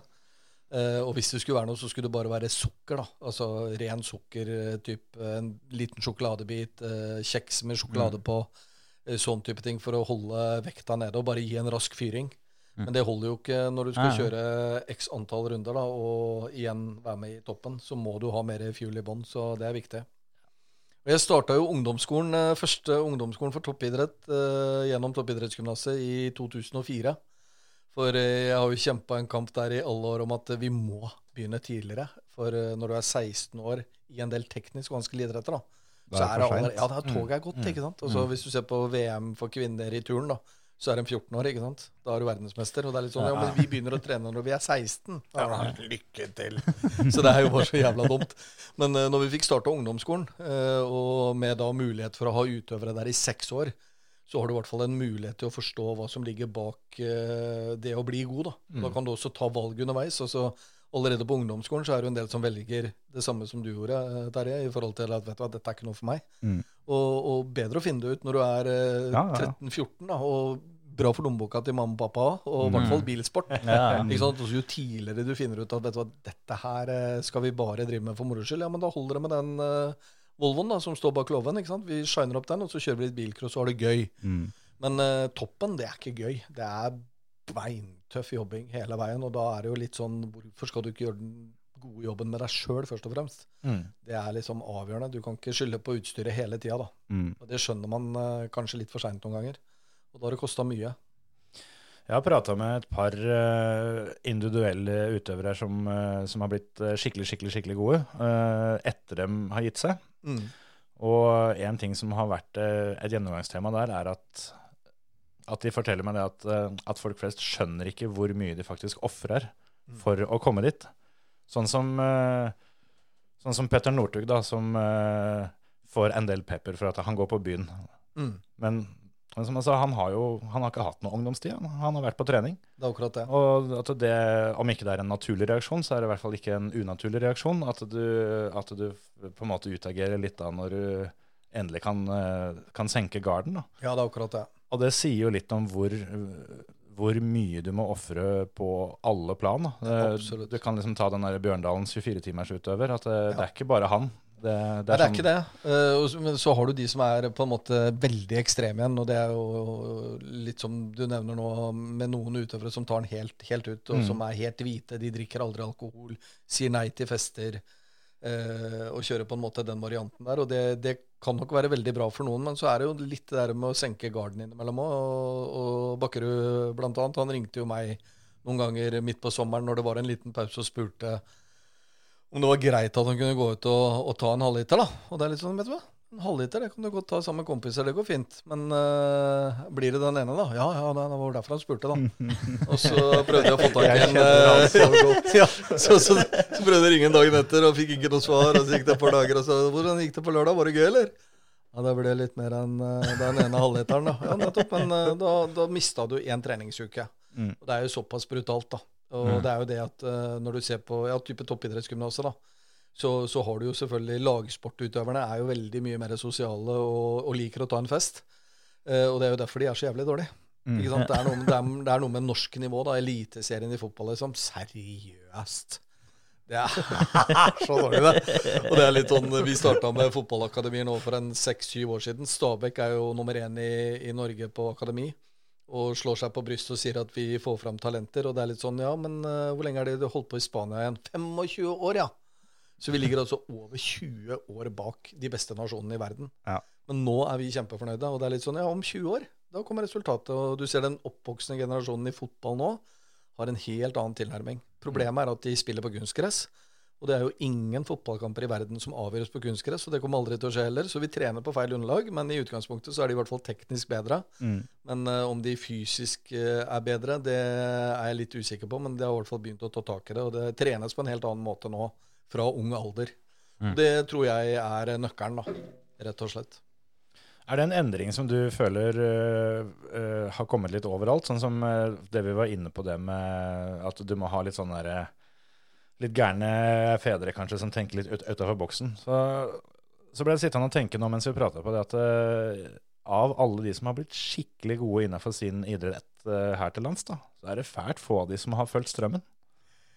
Du kan ikke følge strømmen. Nei? Eh, det, det er eh, kanskje det viktigste alt. Og det var en veldig bra dokumentar med Christoffersen eh, i slalåm, Mm. som allerede nå er den mestvinnende alpinisten omtrent vi har hatt.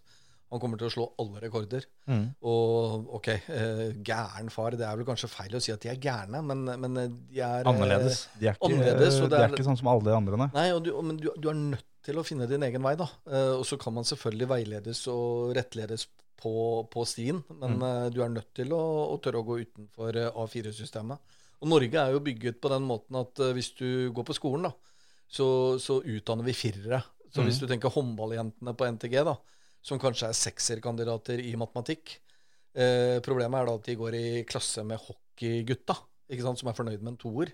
Og da utdanner vi firere. Da blir alle firere, for læreren bruker mest energi på de som er toere. De vil gjerne ha de opp på en treer, da. Mm. Mens de jentene som Det går på bekostning av ja, det, toppene. Det, ja, det, ja, det går på bekostning. Og, og, og hadde det vært forskjellsbehandling på et helt annet nivå, også på skolen, Mm. så tror jeg at vi hadde fått fram veldig mange flere topper. For eh, vi lager, eh, vi lager ikke tapere, det er feil å si, men vi lager mediocre, da. Mm. Så middels gode utøvere, det har vi flust av.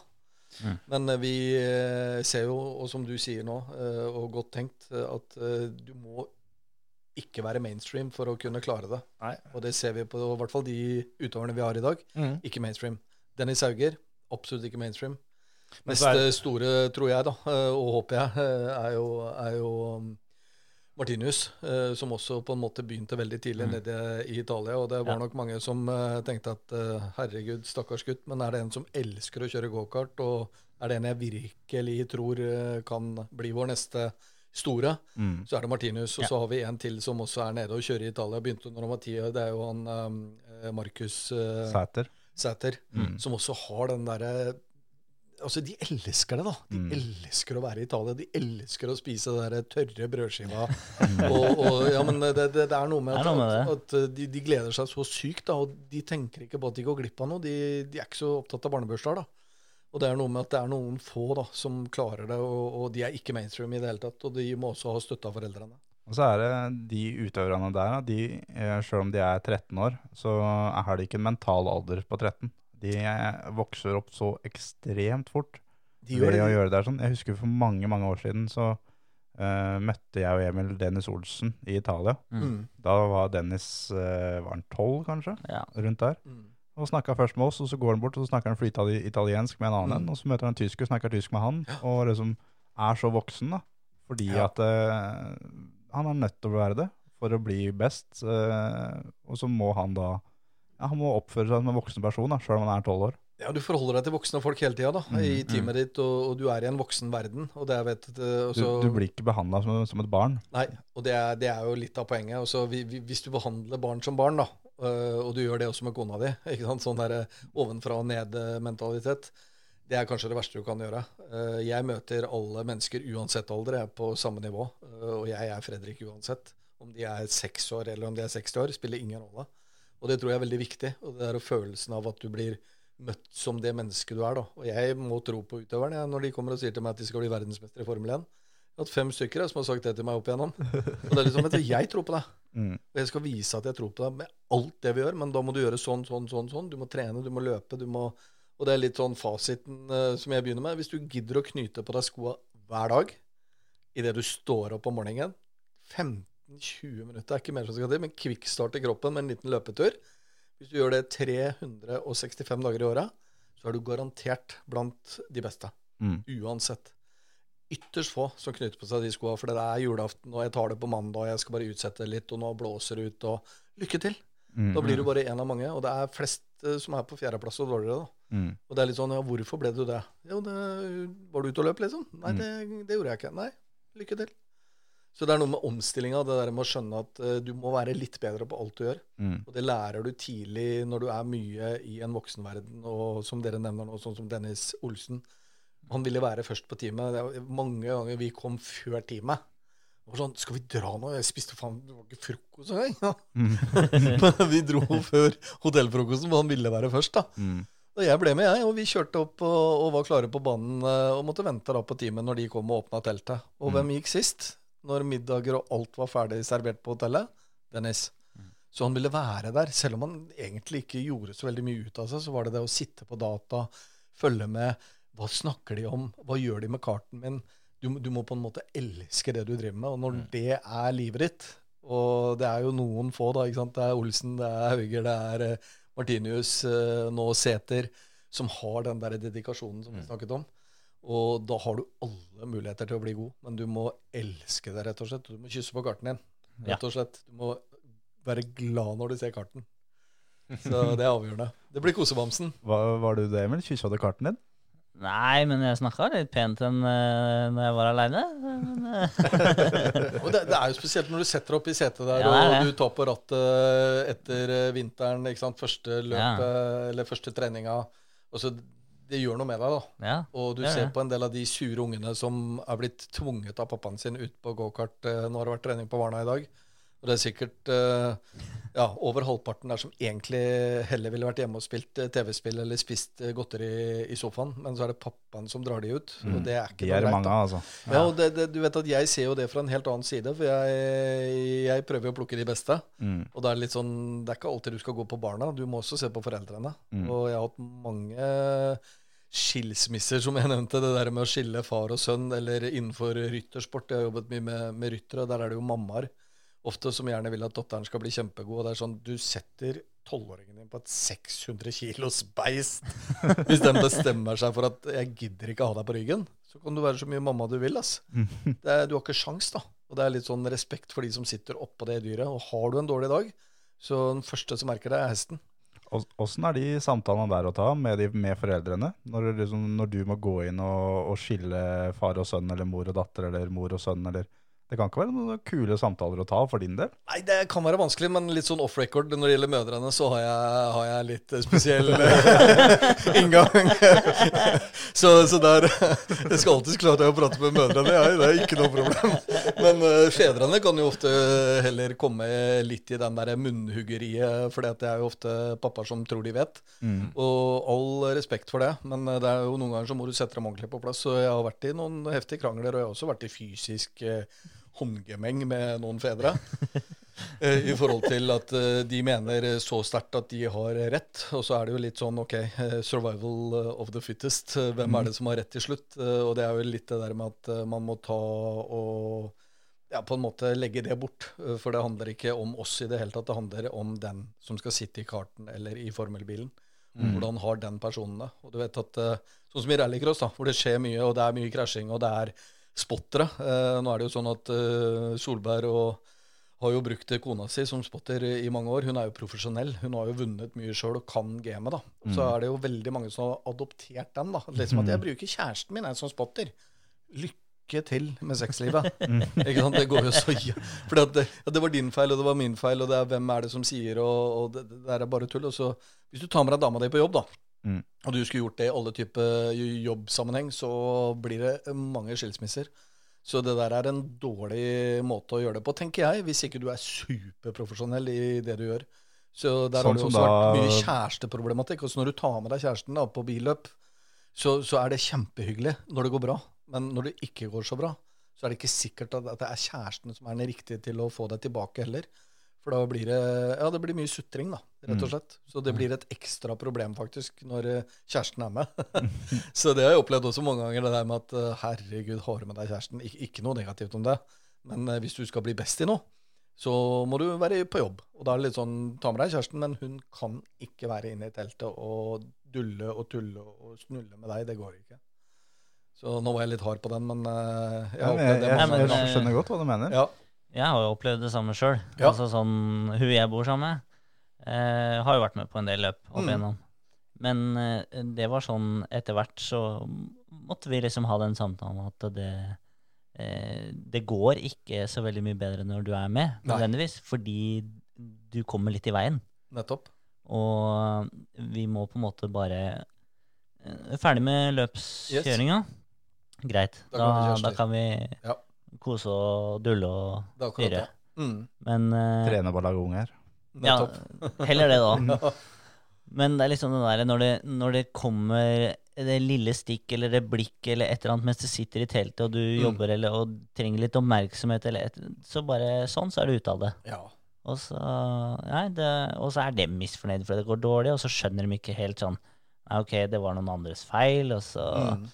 Og så ser de ikke helt den. Eller du, du på en måte er på vei til å finne ut av et problem, men så er det noen som sitter og gnager fordi at det er ikke noe kult å være med når det går dritt. Nei. Og så er det liksom sånn. Men Samtalen blir veldig annerledes, da. Ja. Og i hvert fall for meg, da, som er så tett på utøveren, og, og som ofte så deler jeg jo rom med utøveren i tillegg. ikke sant? For det er jo ofte den der samtalen på kvelden, da. Mm. Eh, hvor du forbereder hjernen på å Hva skal skje i morgen, ja, ja. ikke sant? Og det å å være ferdig med dagen, Mm. så ikke du tar med deg det inn i natta og ligger oppå madrassen, så er det noe med at hvis kjæresten er der i tillegg, så må du hele tiden gå via kjæresten. Og det er litt sånn Samtalen blir ikke like direkte ofte, da. For at du må hele tiden passe på. Men, men det er også litt det som du nevnte i stad, det med den bobla. Mm. Uh, jeg føler at du er mye mer i den bobla hvis du er der aleine. Helt klart. Eh, selv om det er veldig mye bra kjærester til Absolutt. Mm. utøvere Ja, ja, ja, rundt omkring ja. som er veldig flinke, som skjønner det. Eh, mens de, Det de som ikke skjønner det, da blir den bobla ødelagt. Da er det ikke noe boble lenger. Det er helt riktig. Så jeg har alltid fått høre av min mor at uh, Fredrik Jeg har jo vært gift et par ganger. og det er sånn Å ja, du har vært 15 år borte, og det er kanskje derfor du er skilt to ganger òg. Men uh, nok om eh, skilsmissene mine. Men, uh, men min mor har vært veldig på det at du må finne deg en som er interessert i det du driver med. Men jeg har vært veldig motstander av det, for jeg har tenkt at det der med å ta med seg jobben hjem, da. Mm. Hvis du har en som er like interessert i det du driver med, så blir du på en måte aldri ferdig på jobb. Mm. Og det er noe med når man er profesjonell utøver òg. Det å ha en kjæreste som ikke nødvendigvis er med på arenaen, men som tar vare på deg når du er hjemme, og hvor man kan finne på andre ting og ikke nødvendigvis snakke bil, det tror jeg kan være sunnere for utøvere enn hele tiden å være på. da. Ja, for da er det det å komme ut av bobla igjen når du kommer hjem. Det er akkurat det. Og du må lære deg å skru av og på. Det er bare to knapper. Det er rødt og grønt. Og det er eh, altfor mange som går på oransje. da. Og det handler også om igjen det der med å ha med deg alle som skal være med på løp, og du skal passe på sponsorene dine. Og? Også utøverne sliter så ofte ut. da. Se på Andreas igjen, som dere hadde her i studio for en tid siden. Men eh, så mye energi han bruker på å gjøre alle andre glad. Det er noe med at uh, Andreas, så nærme du var nå, den VM-tittelen, og det gjorde så vondt. Jeg hadde så vondt i hjertet mitt. Eh, som jeg aldri har hatt før, egentlig. For er det en som hadde fortjent uh, den seieren, så, så var det Andreas og alt det han har gjort, og så mye tid han har brukt på alt og alle andre, Mm. enn seg sjøl. Og jeg vet ikke hvor godt dere kjenner Andreas, men jeg har jo fått lov til å bli ordentlig godt kjent med ham, og jeg vet jo også alle hans uh, såkalte svake sider, da. Og han uh, er en fantastisk skuespiller, da, for å kalle det det. Og det er litt det der med at du er, klarer å være høy, men Mm. samtidig så har du kanskje behov for å gråte litt, eller uh, ja, trekke deg tilbake og, og snakke om egentlig hva du føler. da. For at du, du er så høy på følelser og alle andres følelser hele tiden at det kan gå utover din egen prestasjon. da. Mm. Jeg tenkte litt på det der, for eh, apropos Andreas Bakkerud. For det i et par uker i forkant av Sør-Afrika-løpet i fjor, så var det jo ingen som fikk tak i Andreas. Stemmer det? Da var, da var du og han eh, på tur. Ja, vi var det. Vi var enige om også, og vi har snakket om dette her i mange år, egentlig. Det der Mm. med hvor, hvordan skal du egentlig forberede deg inn mot eh, viktige løp, da. Mm. Og du vet at alt uh, handler om økonomi, og så er det jo igjen det med den rollen jeg hadde i Bilsportforbundet, at uh, jeg skulle jo fordeles blant mange. Mm. Så de som allerede er gode, da, de får kanskje ikke den oppfølgingen som de absolutt burde ha. For at når du er god, da trenger du det enda mer. Ja, ja, ja. Så vi var enige om at uh, vi skulle gjøre det ordentlig ettersom han eh, var så nærme en tittel. Eh, og jeg håpet jo selvfølgelig at forbundet ville putte inn de 50 000 det hadde kosta å sende meg ned til Sør-Afrika, eh, som de valgte å ikke da gjøre. Men eh, fikk muligheten da til å, å få et par uker i forkant. Og da var vi enige om at da skal vi lukke oss eh, inne, og så skal vi gjøre jobben ordentlig. Mm. Og det fungerte veldig bra. Andreas følte seg vel ja, på sitt aller, aller beste noen gang når han var i Sør-Afrika. Selvfølgelig tror jeg det hadde vært viktig at jeg var der, uten at uh, man skal si at jeg hadde gjort uh, noe forskjell på, på resultatet. Men jeg, jeg var veldig glad når han ringte meg dagen etter finalen. Jeg trodde det skulle være vanskelig å få tak i, men han ringte, var vel eh, kanskje den første han ringte til og gråt i telefonen og fortalte at eh, tusen takk, var det første han sa. Det er litt sånn eh, tusen takk for at For jeg følte meg outstanding, liksom. Mm. Og det betyr mye, for det igjen, det er, det er viktig det der med å toppe seg inn mot viktige prestasjoner. Og da er det litt sånn å ta bort alle typer forstyrrelser, tekstmeldinger, være på sosiale medier osv. Det er viktig å, å beskytte utøveren noen ganger òg. Det har jeg tenkt på så mange ganger at det, det må være fantastisk å Mm. bare skru av. Ja. Bare så mye Bare sånn som Ja, bare nå, da. Mm. Det bare sånn, det, det har dirra her et par ganger. Jeg tenkte nå må jeg sjekke om noen har daua, liksom. Ikke sant? Men det er sånn her å kunne skru det av, og de gangene jeg legger fra meg f.eks. bare telefonen, da, Mm. Og alt, eh, og du kan sitte aleine og slappe av, eller gjøre bare noe annet, om det er å spille golf for min del, da. Ja. Bare helt aleine, ingenting som forstyrrer. Men å kunne gjøre det over en så lang periode, det må være noe av det smarteste å gjøre. Ja, det er det, vet du. Og du vet at uh, min generasjon, da, Mm. som uh, ikke visste hva mobiltelefon var Ja. Hvis det ringte i gangen uh, så du ikke rakk telefonen, så var det ingen som visste hvem som hadde ringt heller. Det var sånn, De ringer sikkert en eller annen gang tilbake. Det var ikke noen telefonselgere, det var ingenting. Men forventningen nå at du skulle være på hele tiden. Mm. Og så hvis det ja, popper inn en mail da klokka ti på kvelden, så er det liksom en forventning at du svarer før du legger deg klokka tolv. Mm. Det er på en måte feil, eh, helt feil fokus, da, i hvert fall hvis du skal bli god i noe. Du må klare å skru av. Det er jo sånn nå at hvis du prøver å få tak i noen, og du ikke får tak i dem, og dem ikke tar kontakt tilbake i løpet av et kvarter, toppen en, en halvtime, så blir jo folk eh, ordentlig bekymra. Blir bekymra. Ja. Gjør det, vet du. Og det, det, det er jo et ekstra stress som er lagt på og da til den generasjonen, oppvoksende generasjonen, og som eh, det er et krav at de skal være på da, hele Mm. tida. Det er klart at eh, det er, eh, blir en enda vanskeligere jobb for meg i forhold til å beskytte de også mot det. da. Mm. Så for, for meg så er det liksom en selvfølge at du, du tar ikke med deg telefonen liksom ut på arenaen, men uh, de er opptatt av den. altså. Mm. Og det tar bort uh, mye av det fokuset, og spesielt den bobla vi snakket om. Det med å komme helt inn i 100 Så har det jo, har jo på samme tid blitt eh, et slags krav da, at de skal oppdatere sosiale medier og, og holde fansen eh, oppdatert og, og sponsor og syns og alt det der sånn. Så det, det er jo et aspekt av det, det også, som på en måte må få lov å bli med, men åssen skal du balansere det? Ja, du vet, Det å være toppidrettsutøver i dag, det handler ikke bare om resultatet. Nei. Eh, Det gjør ikke det. Og det er jo det at eh, forventningene også fra sponsorer eh, Det er jo en helt annen måte å sponse på i dag. Du skal gi så mye tilbake, da. Mm. De skal ha betalt for den summen de spytter inn. Mm. Og da må du plutselig stå der og holde foredrag, du skal sende meldinger, du må komme med tusen takk-bilder. Det er så mye ekstra jobb da, for utøveren. Og du vet at hvis du skal bli best, så er det nesten viktig at du har et uh, type management eh, rundt deg. Uh, akkurat som dere nå har starta med disse yngre utøverne. Det at dere tar dere av en del av det trykket som de måtte ha lært seg sjøl, det er uh, avgjørende. For du må få lov til å være sjåfør. da. Mm. Og det er vanskelig når du skal være, drive butikken sjøl, sånn som Andreas i fjor, da, som også var eh, teamsjef, liksom, og likevel klarte det resultatet. Det er jo helt sinnssykt. Det var vel det Men, første eh, vi spurte ham om når, ja. eh, når vi hadde den her for 14 år siden. eh, om han bare skulle være sjåfør den sesongen som kanskje kommer i gang i år. da. Ja, la oss håpe det. Og han sa jo heldigvis eh, det, at eh, år, eller eh, avtalen han har nå, så er det, er det bare sjåfør. Det er akkurat det. Og det, det letter jo veldig på trykket. Og det er på en måte også den viktigste oppgaven min da, i forhold til at de skal oppleve at de bare er en toppidrettsutøver i den perioden vi er sammen. Så det er nok mange som kunne trengt eh, enda mer tid eh, med en eh, type motivator som jeg, meg selv. Salg, salg. Men det er en viktig del av det. Jeg følger jo nå Ole Henri Steinsholt, som har, pappa var veldig på i Latvia når jeg hadde begynt å spre at jeg skulle komme til å slutte i Bilsportforbundet. Folk trodde jo ikke på det, vet du. Det sånn, Tuller du? Du kan ikke slutte. Men uh, samtidig så gikk jo det ryktet ganske fort, da. Mm.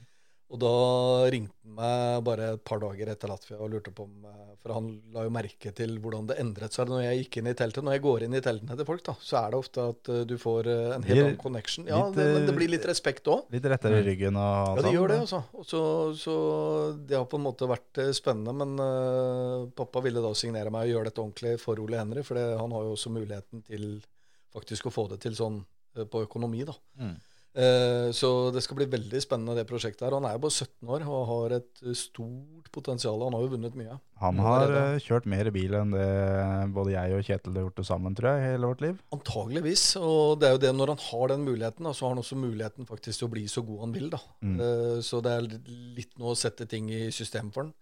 Så det skal bli veldig spennende å følge han framover. Og det er jo litt sånne type oppgaver som jeg godt kunne tenke meg å, å ta noen flere av, men eh, det er litt sånn begrensa hvor mange utøvere du kan ta hvis du skal gå all in. da. Mm. Og det var jo det som var litt av problemet med Bilsportforbundet òg. At Uh, fra å starte med seks utøvere da, i sin tid, eh, når vi startet prosjektet, til uh, at jeg hadde ansvaret for 30. Og det er litt sånn, Jeg hadde dårlig samvittighet for 19 av de 30. Ikke sant? Det var maks 10-11 du klarer å følge opp. Mm. Og noen trenger eh, veldig mye mer. Noen trenger telefonsamtaler eh, både før, under og etter. Andre trenger oppkjøring.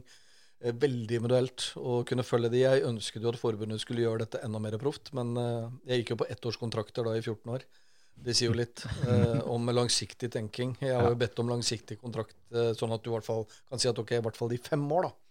Mm. Så, så gønner vi på. For da kunne du på en måte plukket ut de fire-fem da, som virkelig har potensial, og gjort en ordentlig god jobb med de. For da kommer resultatet, og det ser vi jo med de jeg faktisk har fått lov til å jobbe med. Det er jo de som har prestert så bra som de gjorde da i 2019.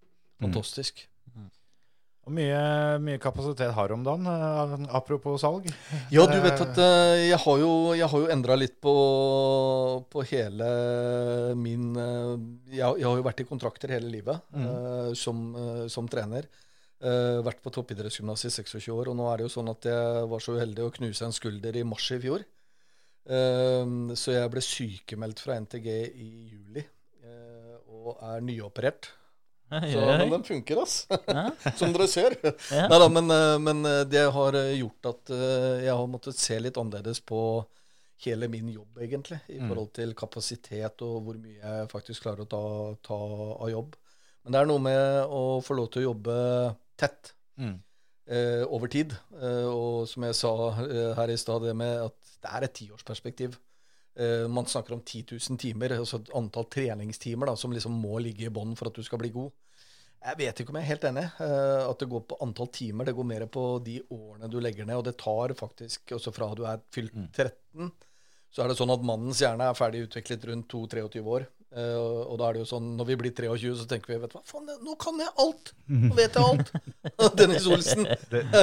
han er jo akkurat blitt 23, eller om han nå har blitt 24. Men han fikk jo den der følelsen at nå trenger jeg ikke hjelp av noen lenger. Jeg kan alt sjøl, og jeg fikser alle kontrakter. Mamma og pappa, dere kan bare kjøpe dere båt, og jeg fikser, fikser det sjøl. Snakkes til vinteren. Ja, det, og, det, og det er på en måte en, en følelse av at vet du hva, nå har jeg skjønt det. Eh, fordi at nå er hjernen min ferdigutviklet. Jentene har jo en litt tidligere vekst i forhold til å forstå. Eh, så noen ganger så er det lettere å jobbe med jenter i alderen fra 13-14 fram til de er 17-18. For der er jo da allerede hjernen ferdigutviklet.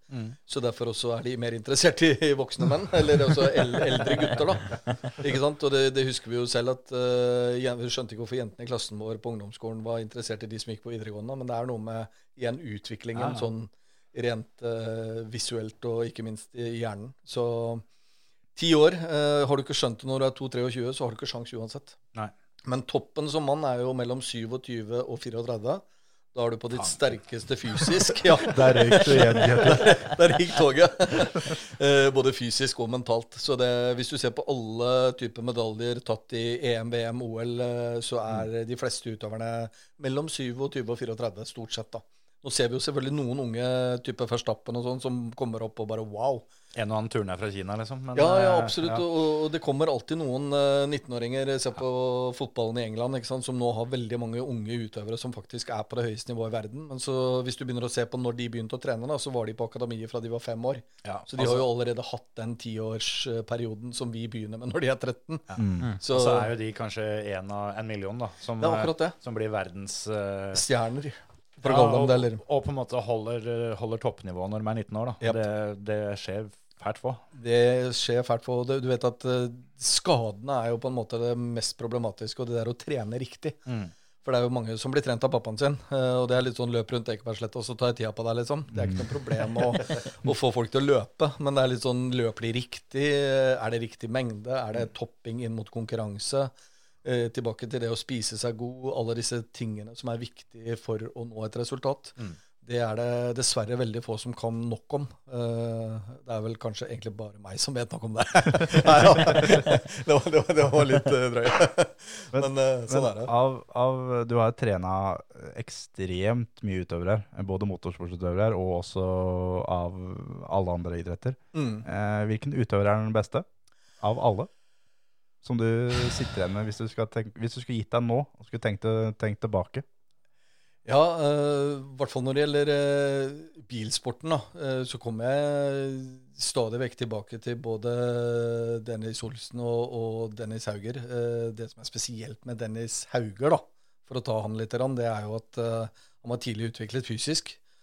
Veldig interessert i læring.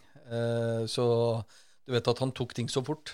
det som imponerte meg da, i ja, altså 2019, inngangen til 2020 19 så hadde vi en test med alle landslagsutøverne, hvor alle var til stede. Og eh, tenker da Andreas Bakkerud, rallygutta våre som er 7-8-29 år, ikke sant? som har trent et langt liv. da. Mm, som er på høyden, egentlig? Ja, de, og de bør på en måte egentlig være fysisk overlegne. Så kommer altså Dennis Hauger og knuser alle på alle testene. Mhm. Og det er litt sånn, er, og da var han 15 år. ikke sant? Og det er sånn, Når du er 15 år og er best i klassen allerede, så er potensialet så stort. da. Og du vet at å, å holde det ved like Nå er det jo mange mennesker som skal inn eh, og fortelle han hvordan ting skal gjøres. Og det er jo litt sånn at han må bare fortsette å tro på det han gjør. For han eh, Jeg vet ikke hvor mange ganger han trekker seg opp eh, med hangups, ja, men det er liksom null problem å ta 30-40 lett. ikke sant? Og det er litt sånn at han, han trener på ting hele tiden for å bli bedre. Og du må være dedikert og interessert, da, rett og slett. Men eh, det var eh, kanskje uh, ikke svar på spørsmålet, for jeg har hatt så mange gode utøvere da, som har gjort det, gjort det bra. Og det er så forskjellig type personer. Mange i kampsporten også som som ikke er blitt best i verden eller noe, for det kan du nesten ikke bli når du kommer fra Norge. Vi har for lite miljø. Men uh, allikevel, det man legger ned av eh, tid og trening, der har jeg respekt for veldig mange utøvere. Det har jeg. Så se på jentene, så eh, Kanskje Kari Traa er vel en av de råeste eh, på jentesiden. Eh, du har eh, Vibeke Skofterud, som eh, dessverre eh, gikk fra oss for et par år siden. Eh, og eh, håndball, så er det vel eh, eh, åh, Tenk at jeg plutselig glemte navnet hennes. Verdens beste håndballspiller for damer, som har operert kneet sitt seks ganger på rad. Gro, Gro Amerseng? Nei. Nei, Mørk? Ja, Nora. Nora. Ja. Og så hvis, hvis du ser på liksom tre jenter da, som jeg har fått gleden av å trene gjennom litt tid, så var de liksom ekstremutøvere. da. Og når man ser også på resultatene, så Vibeke var jo med på alle treninger. Uansett om det var hockeygutta, så var hun med hockeygutta. Og så når de var ferdige, så kom langrennsgjengen og trente med de. Og så kom øh, håndballgutta og skulle makse, og da var hun med på den treninga. Så hun, hun bodde jo på Olympiatoppen, liksom. Men hun gikk jo på noen smeller òg, da. Men det, er, det er noen sånne som har vært helt ekstreme, uten å nevne for mange navn. Men uh, my, mye bra utøvere. Er det en utøver du skulle ønske du hadde trena? Som hadde Ja. gøy å jobbe med. Ja. Ja. Som du liksom Fy fader, det, han der eller hun der skulle Ja. jeg ønske at jeg hadde fått lov til å vært med og trene. Ja, og da, da vet jeg at det er mange som kommer til å reagere, men eh, en utøver som jeg kanskje ser på som eh, det største talentet uansett idrett, det er Ronaldo i fotball. Han kunne jeg godt tenkt meg å få lov til å jobbe tett med. For er det Tenker du på han som spiller nå, eller han han som spiller nå? Ja, Ja, Ronaldo i dag. Mm. Eh, snakk om å være dedikert. Eh, lage et barn eh, med surrogatmor for å ha et barn å dra hjem til. For å ikke dra på fest med gutta. Eh, gutta kunne jo dra kortet uansett, eh, og de feiret jo alle, alle seierne sine, mens Ronaldo dro hjem til barnet sitt, liksom. Nå har han vel fire eller fem barn. Ja. alltid spist riktig, tidligst på trening, sitter med beina i isbøtte når de andre drar på fest. Eh, ekstrem utøver. Og skyter like bra med høyre-venstre alt det han har vært igjennom. Han dro hjemmefra når han var 11 år og sa det bra til mamma. Da spilte han for 15-årslaget og ble mobba av gutta, fordi han bodde jo på internat eh, som 11-åring og var best av 15-åringene. da. Og de skulle jo ta han, ikke sant, for han var jo mindre fysisk. Men istedenfor å dra tilbake på internatet, så var han igjen på fotballbanen. Og da kom jo juniorlaget ikke sant, og trente, og da drev han og gjorde de samme øvelsene på sidelinja. Ja. Og så når de var ferdige, så kom seniorlaget, og da var han like godt der. Og så dro han bare hjem og sov istedenfor å, å bli mobba av disse 15-åringene. Så du vet at uh, han, er, han er eh, spesiell, og han kunne jeg godt tenkt meg å bli bedre kjent med. Så jeg skal ringe han i morgen. Et litt beslekta spørsmål. Er det en utøver du har, du har sett som du, som du tenkte at åh, du burde ha jobba med meg? Du kunne blitt så mye bedre hvis altså, Det har du sikkert tenkt om veldig mange, da. men, men altså, altså type sånn uh, I fotballen så, så har du Jon Carew, f.eks., som, eh, som alltid spilte fotball fordi det var gøy. Han gadd aldri trene og legge ned jobben. Og så har jo da alle, alle rundt den sagt han kunne blitt så god som han bare ville. Ja. Har du sett noen sånne som har blitt skikkelig gode, men som kunne blitt helt sjukt gode hvis de bare hadde, hadde gjort ting på en annen måte? Ja, altså Hvis du blir skikkelig god uansett, så har du gjort det på en riktig måte, tenker jeg. Ja, ja. Eh, Så, så det er litt sånn hva, hva du egentlig kan påvirke. Men det er klart at eh, det, det finnes nok utøvere som kunne eh, fått en tidligere topp, Mm. og, og kanskje hatt toppen lengre hvis eh, de hadde fått muligheten til å jobbe tett med, med en coach. da. Eh, og det er jo på en måte det man uh, kanskje tror er minst viktig. Eh, Men eh, hvis dere etter hvert også får en del av utøverne som jeg har jobba tett med her, så, så vil dere sikkert få litt svar på hvor viktig den delen faktisk er. Og det mangler fortsatt litt i Norge. Også i USA, alle har jo en coach. Uh, også alle tennisspillere har med seg den fysiske og mentale treneren. Eh, jeg jobber jo også som massør, ikke sant. Uh, bare det å, å kunne gå over en runde etter en tøff dag på gokartbanen, ikke sant. Og så alle de tilnærmingene der da, som man ikke kanskje vet om, men som man skjønner er viktig når man har fått oppleve det. da. I løpet av uker så er du på en måte Det er vel eh, si et par timer da, som er, eh, som er konkurranse. Men så er det ganske mange flere timer som ikke er konkurranse. Og, og det sier jo seg sjøl at dem, dem er jo viktigere enn de to som, som er det alle ser. Uten tvil. Og du vet at uh, det, er, det er jo igjen det der med å, å være sammen med utøveren i alle de timene som som skal gi et resultat. da. Mm. det er jo kanskje den aller aller viktigste jobben, men det å være til stede da og se at de faktisk eh, oppnår et resultat, det gir jo meg den samme følelsen som utøveren. Så jeg, eh, jeg er jo en adrenalinjunkie. Og på en måte aldri klart å legge det fra meg. Jeg prøvde meg som toppidrettsutøver sjøl, det gikk ikke sånn kjempebra. Så jeg skjønte tidlig at eh, jeg fikk den samme gleden med å være med andre. da. Mm. Og det er jo på en måte det som alltid har drevet meg og gjort at eh, jeg fortsatt jobber med toppidrettsutøvere. Men eh, jeg klarer ikke like mange nå som jeg gjorde før. Jeg trodde jo at jeg skulle lage verdensmestere av alle jeg trente. Mhm. Fordi at det var liksom eh, det jeg ønsket mest. Men det er vanskelig, vanskelig og det er en tung, tung vei og mange år som må legges ned. Og du må komme veldig tett på utøverne. Men jeg håper og tror at det er flere som forstår hvor viktig den delen er etter hvert. da. Hvor hard er det på å kutte ut dem som, dem som du både skjønner ikke kommer fram, og som kanskje ikke, ikke legger ned den jobben du ber om? Du vet at jeg har hjulpet mange utøvere å slutte med idrett. Ja, jeg har det. Både på godt og vondt. Men, eh, men eh, noen ganger så må man også på en måte fortelle at ikke de har det som kreves, rett og slett. eh, Enn så mye de vil. Kanskje en, en av de mest spennende utøverne jeg hadde en periode, var Marius Torp, som du kanskje vet litt om i forhold til golf. Og når jeg gikk caddy nede i Kairo med singlet eh, og McIlroy gikk ut før oss, eh, så var det et par stykker som tenkte Hva faen er det Marius har tatt med seg ut på banen her? Hva er det for en fyr? Det var den ene som ikke gikk i eh, piké og, og riktig sko. Og jeg tenkte på det blir gøy å være med på golf, liksom. På et høyt nivå. Og han ene som dreit fullstendig i hva alle de andre tenkte. Akkurat det, men som, som Marius har takket meg for i, i mange år eh, etterpå, det er jo at eh, den gleden han fikk ved å, å få lov til å prøve seg igjen da, på, på det høyeste nivået, etter å ha lagt opp først én gang, og så en gang til, og da var det litt sånn OK, hva skal vi gjøre? Og så, så ble jeg personlig trener for han, og da endret alt seg i en god periode. Men eh, han hjalp jeg egentlig til å ta den avlysen om å slutte med eh, toppidrett eh, fordi at det var så mye annet han ønsket også. Og tilbake til det vi snakket om tidligere i dag i forhold til, til at det er en del eh, utøvere som går, føler at de går glipp av mye. Og han var kommet så langt i livet at han opplevde at han hadde mista mye av eh, andres eh, opplevelser og gleder. da. Så han savnet egentlig det der normale livet som en del toppidrettsutøvere bare hører om. De Ja. vet ikke hva det innebærer. Skal jeg si dere noe morsomt? Broren til Marius Torp er treneren min. Er han det? Ja. men herregud, så hyggelig. Ja, Det ser du. Så det er en liten verden. Ja, ja, ja. Men du ja, må jo eh, bare få leid inn Fredrik som caddy. ja, ja.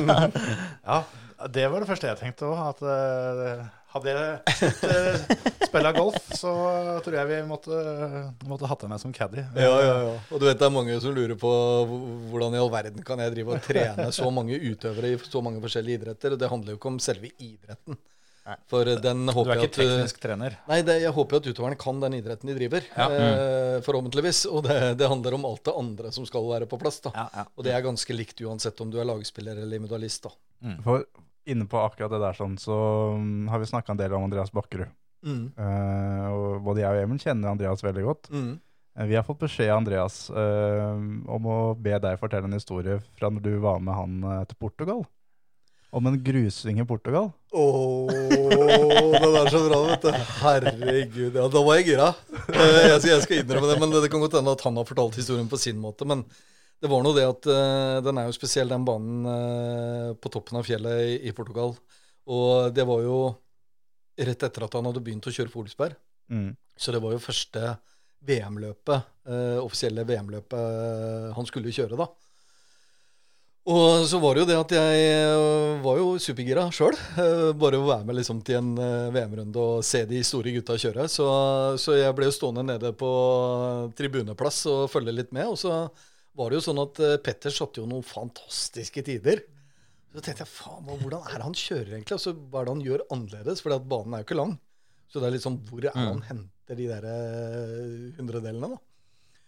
Og så drev Andreas eh, med sitt, og så hadde jeg jo vært nede og sett på spesielt da langsvingen, for å kalle det det, før du går inn eh, på asfalt igjen, da. Og der eh, var Petter helt ekstremt rå, hvordan han satte opp bilen. Så jeg tenkte at eh, nå skal jeg gå banen med Andreas.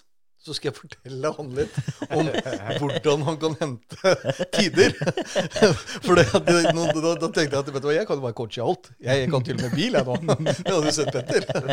Så da, ja, da holdt jeg Andreas rundt skulderen, og så stoppet vi i langsvingene. Så sa jeg du, Andreas, hva skal du gjøre? Hvis du går litt uh, tidligere på krønen der Nei, ikke på krønen, men på, på, på, curbsen. Uh, og legger bilen ut uh, sånn som Petter og jeg prøvde å forklare. Så sier Andreas at Begynner han bare å le, da. Så sier jeg hva faen er det du ler av? Jeg var jo superseriøs. Tenkte at nå skal jeg hjelpe deg til å bli verdensmester. Så, så sier han til meg at du, Fredrik. Du, jeg liker deg godt, ass, men uh, kan ikke du eh, bare ta deg av det du skal, så skal jeg kjøre bil? Og så tenkte jeg bare fy faen, da ble jeg satt ordentlig på plass. Bare hold kjeft. Og etter det så har jeg aldri coacha noen på, på hvordan de skal kjøre. Men jeg tør påstå at jeg har lært mye gjennom alle disse årene, og spesielt egentlig på gokarten. Der kan jeg faktisk se om det går fort eller sakte. Ganske, ganske kjapt, fordi jeg har vært mye på gokartbanen opp igjennom. og det det er noe med at du lærer deg jo en del eh, bare ved å være til stede, men samtidig, jeg skal ikke bli en, en coach eh, når det gjelder bilkjøringa. Og det så dere kanskje på rallyen, at eh, hold deg helst ut, vekk fra rattet. Jeg skal kjøre familiebil, jeg, og ta det rolig. Det er best. For vi har jo da, som de som har hørt tidligere episoder, så har vi jo alle gjester i studio skal prøve en challenge vi har i Dirt. Og det så bra ut veldig lenge, men, men eh, det var jo en eh, Du fikk til noe som ingen andre har fått til. Vi har fått vår første brutt, rett og slett.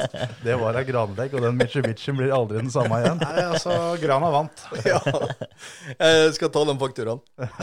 Det går bra. Vi sender regning. Det er ikke noe, ikke noe å tenke på. Nei da. Ja, apropos uh, håper å si eh, deg og Bakkerud, så, så har jeg jo Jeg har jo en annen morsom eh, eh, hva skal jeg si, historie fra um, hvor vi var i Bergen. Mm.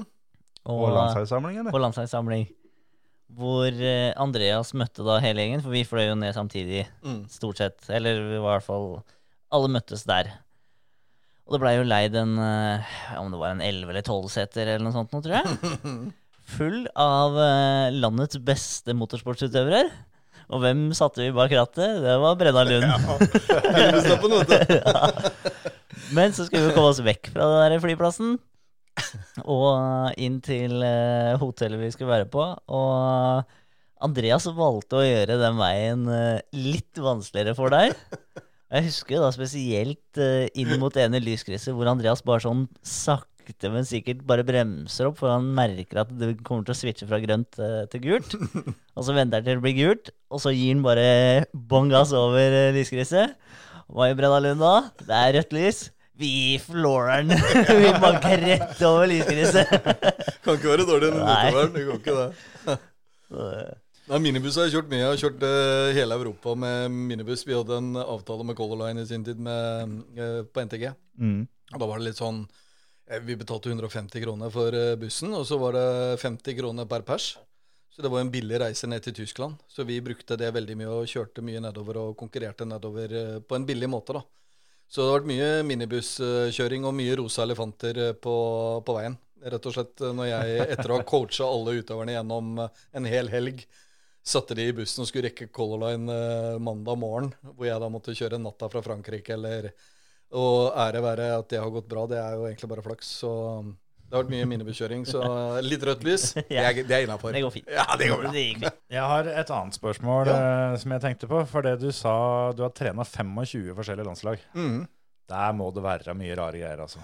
Du, Det er det. også alt fra hundekjøring eh, til eh, taekwondo, karate, judo. Selvfølgelig, Jeg var jo landslagstrener i judo i en periode og, og bygget opp judoavdelingen på NTG. Eh, men ja, det, er, eh, det har vært eh, mange varianter av både landslag og land, utenlandske, altså internasjonale landslag også, som jeg har ja. Ja, for det tenkte jeg litt på. At du, Ja. du har vel vært litt uh, utafor landets grenser òg? Og Jeg har det. trena litt? Jeg har det. Jeg fikk, fikk en mulighet til å, å hjelpe det russiske herrelandslaget i håndball i en treårsperiode. Og var veldig mye i Russland. eh, Og skulle toppe de inn mot eh, turneringer. da, Viktige turneringer. Og det var jo en eh, veldig annerledes reise for å komme ned på toppidrettssenteret i Moskva. Ja.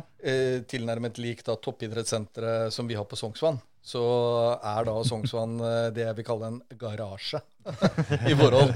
For det, det En litt fin garasje, eller? Ja, det, det har blitt ganske bra. Den, den snacksen garasje, men eh, du vet at eh, det nivået som er i Russland, det, er, det, det kan på en måte ikke sammenlignes med noen ting. Det er helt, helt drøyt. Eh, annerledes eh, å være med på. eh, veldig lærerikt i forhold til eh, hvordan de tenker. fordi at eh, i Russland så slipper de ikke inn internasjonale trenere. Nei, det er For de vet ofte det. jo best sjøl. Mm. Ja, det jeg tror det er bare én annen norsk trener som har trent eh, et landslag der nede innenfor for, skiskyting Mm. en periode. Men han hadde ikke jobben lenge, for det var ikke særlig bra resultater. Så det har vært en kul reise. Og så, så har jeg også fått trene mm, Rostov eh, og toppa de til eh, eh, Det er en damelag i, i Håndball, ja. Mm. Champions League-lag, da. Eh, og der skulle vi endre alt i forhold til trening og treningsrutiner. og jeg fikk en tekstmelding i, eh, i fjor når de tok sølv, om at de fortsatt brukte mine treningsplaner, og gjort det da i en, en fireårsperiode. Ja. Og fikk da et resultat som de var ordentlig stolt av. Så jeg har vært med på, på ordentlig mye gøy. Jeg har det. Mm. Så jeg, jeg er glad for at jeg har valgt det livet jeg har gjort. Men eh, selvfølgelig, eh, når man nå får eh, roe alt sammen litt ned, da, så ser man jo uh, på at uh, den jobben som jeg driver, den, den handler om å, å, å få rutinene. Uh, så du vet at det er mye voksne trenere, Mm. og spesielt innenfor kampsport f.eks. Når jeg var, var trener på, på i, I 1995 var mitt første VM i Japan. Uh, Som trener? Ja, ja, jeg ble jo nekta inngang på coach, eh, coachinngangen. De trodde ikke på meg, for jeg var like gammel som utøverne som gikk der, og kanskje yngre enn noen av utøverne som gikk der òg. Så det er noe med at jeg tok den rollen veldig tidlig, men det har vært en eh, fantastisk reise fram til nå. Så jeg, jeg har ikke angra på noe av det jeg har gjort. Jeg har fått sett verden gratis. Eh, Det er en måte å se det på. Du får et annet perspektiv, og du forstår mye mer hva som ligger bak et bra resultat, eh, fordi at man har vært så mye ute internasjonalt og sett eh, på de beste, da. Mm. Og, og fått sammenlignet eh, de få norske da med de. Og det er litt sånn at det er ikke noe det er ikke noe walk in the park. da. Du, du, du må på en måte begynne tidlig og, og skjønne at det, det vil ta en, en god tid å bli god, rett og slett. Mm. Vi har holdt på en stund nå, så jeg lurer på om ikke vi må etter hvert begynne å logge. Men jeg har lyst til å be deg om eh, om du Det er jo et vanskelig spørsmål, men har du et råd til alle de som sitter frustrerte hjemme nå og ser på at eh, sesongen visner bort? Eh, vil du prate til dem i to minutter? Ja, det kan jeg gjøre. Og det, det handler jo igjen om at eh, nå er det jo en mulighet eh, for det første til å se på eh, mange av de resultatene man allerede har, og hvorfor de har kommet. En annen ting er at man kan lære mye av de beste utøverne ved å gå inn og, og se på inboard. Man kan jobbe mye mer gjennom YouTube-kanaler. Man kan kjøre mye mer selv i forhold til simulatortrening, Mm. som er en viktig del av det. Det er ofte ting man tar bort. Nå har man muligheten til å, å hente kanskje en del eh, ekstra Mm. ved å, å bruke tid på å se hva, hva er det de beste gjør, da. Og hva er årsaken til at de blir så gode. Det er skrevet masse bra bøker innenfor eh, bilsporten, og det er litt sånn å lese seg opp litt på engelsk, eh, kanskje lære seg litt språk er jo kjempeviktig i dag. eh, Og i den internasjonale bilsportverdenen så, så er det jo teknisk engelsk som er eh, selvfølgelig viktig. eh, Men det å lære seg kanskje litt italiensk for de som tenker Italia Ja, osv., det er en mulighet. Og så er det jo igjen det å ta vare på kroppen sin i denne perioden, hvor du faktisk har mulighet til å trene deg opp eh, og gjøre deg klar uansett når sesongen starter, hvis den starter. Mm. Men da har du i hvert fall fått et år da, hvor du kan virkelig gjøre jobben fysisk, som også gjør at du vil bli mye sterkere mentalt. Mm. For dette er jo en mental eh, breakdown for alle, egentlig, uansett hva vi driver med. Eh, så, så vi blir jo satt på prøve, og jeg tror jo at uh, jeg ikke vil bli arbeidsledig med det første, med tanke på at det er en del som går inn i såkalte depresjoner, uh, som føler at verden raser sammen nå. Men det er jo nå man kan bli sterke sammen, og det er jo derfor vi sitter her i dag òg. Det er jo for å, å gi glede til folket og Mm. fortelle de at det er bare å stille spørsmål. Vi, vi er åpne for det. Så det var kortversjonen av hva som kanskje bør gjøres i denne perioden her. Over skyene så skinner alltid sola, er det ikke det den sier? Den gjør det, Så- altså. Det, det veit vi om når vi sitter i flyet og tar av fra Gardermoen. liksom. Uansett hvor mye det hagler, så, så kommer du til et bedre sted med sol og, og glade mennesker. Det er så deilig det når du kommer over skyene Å, der. det er fantastisk. Det er det. Og så er det å lande i et eller annet sted i Europa og få med seg en tittel hjem. Og det er som jeg sier, at når jeg hører nasjonalsangen i utlandet, da veit jeg at jeg har vært med på noe gøy. det, er da, er da man lykkes. Suksess. Det er gøy. Fredrik Brennhagen, det har vært veldig hyggelig å ha deg her. Takk for det. Og dere får bare spørre igjen, så kommer jeg med gode råd. Det gjør vi. Hyggelig, det. Da høres vi jo neste uke, gjør vi ikke det? Ja. Vi takker for oss, vi. Hoi, hoi. Ha det. Ha det.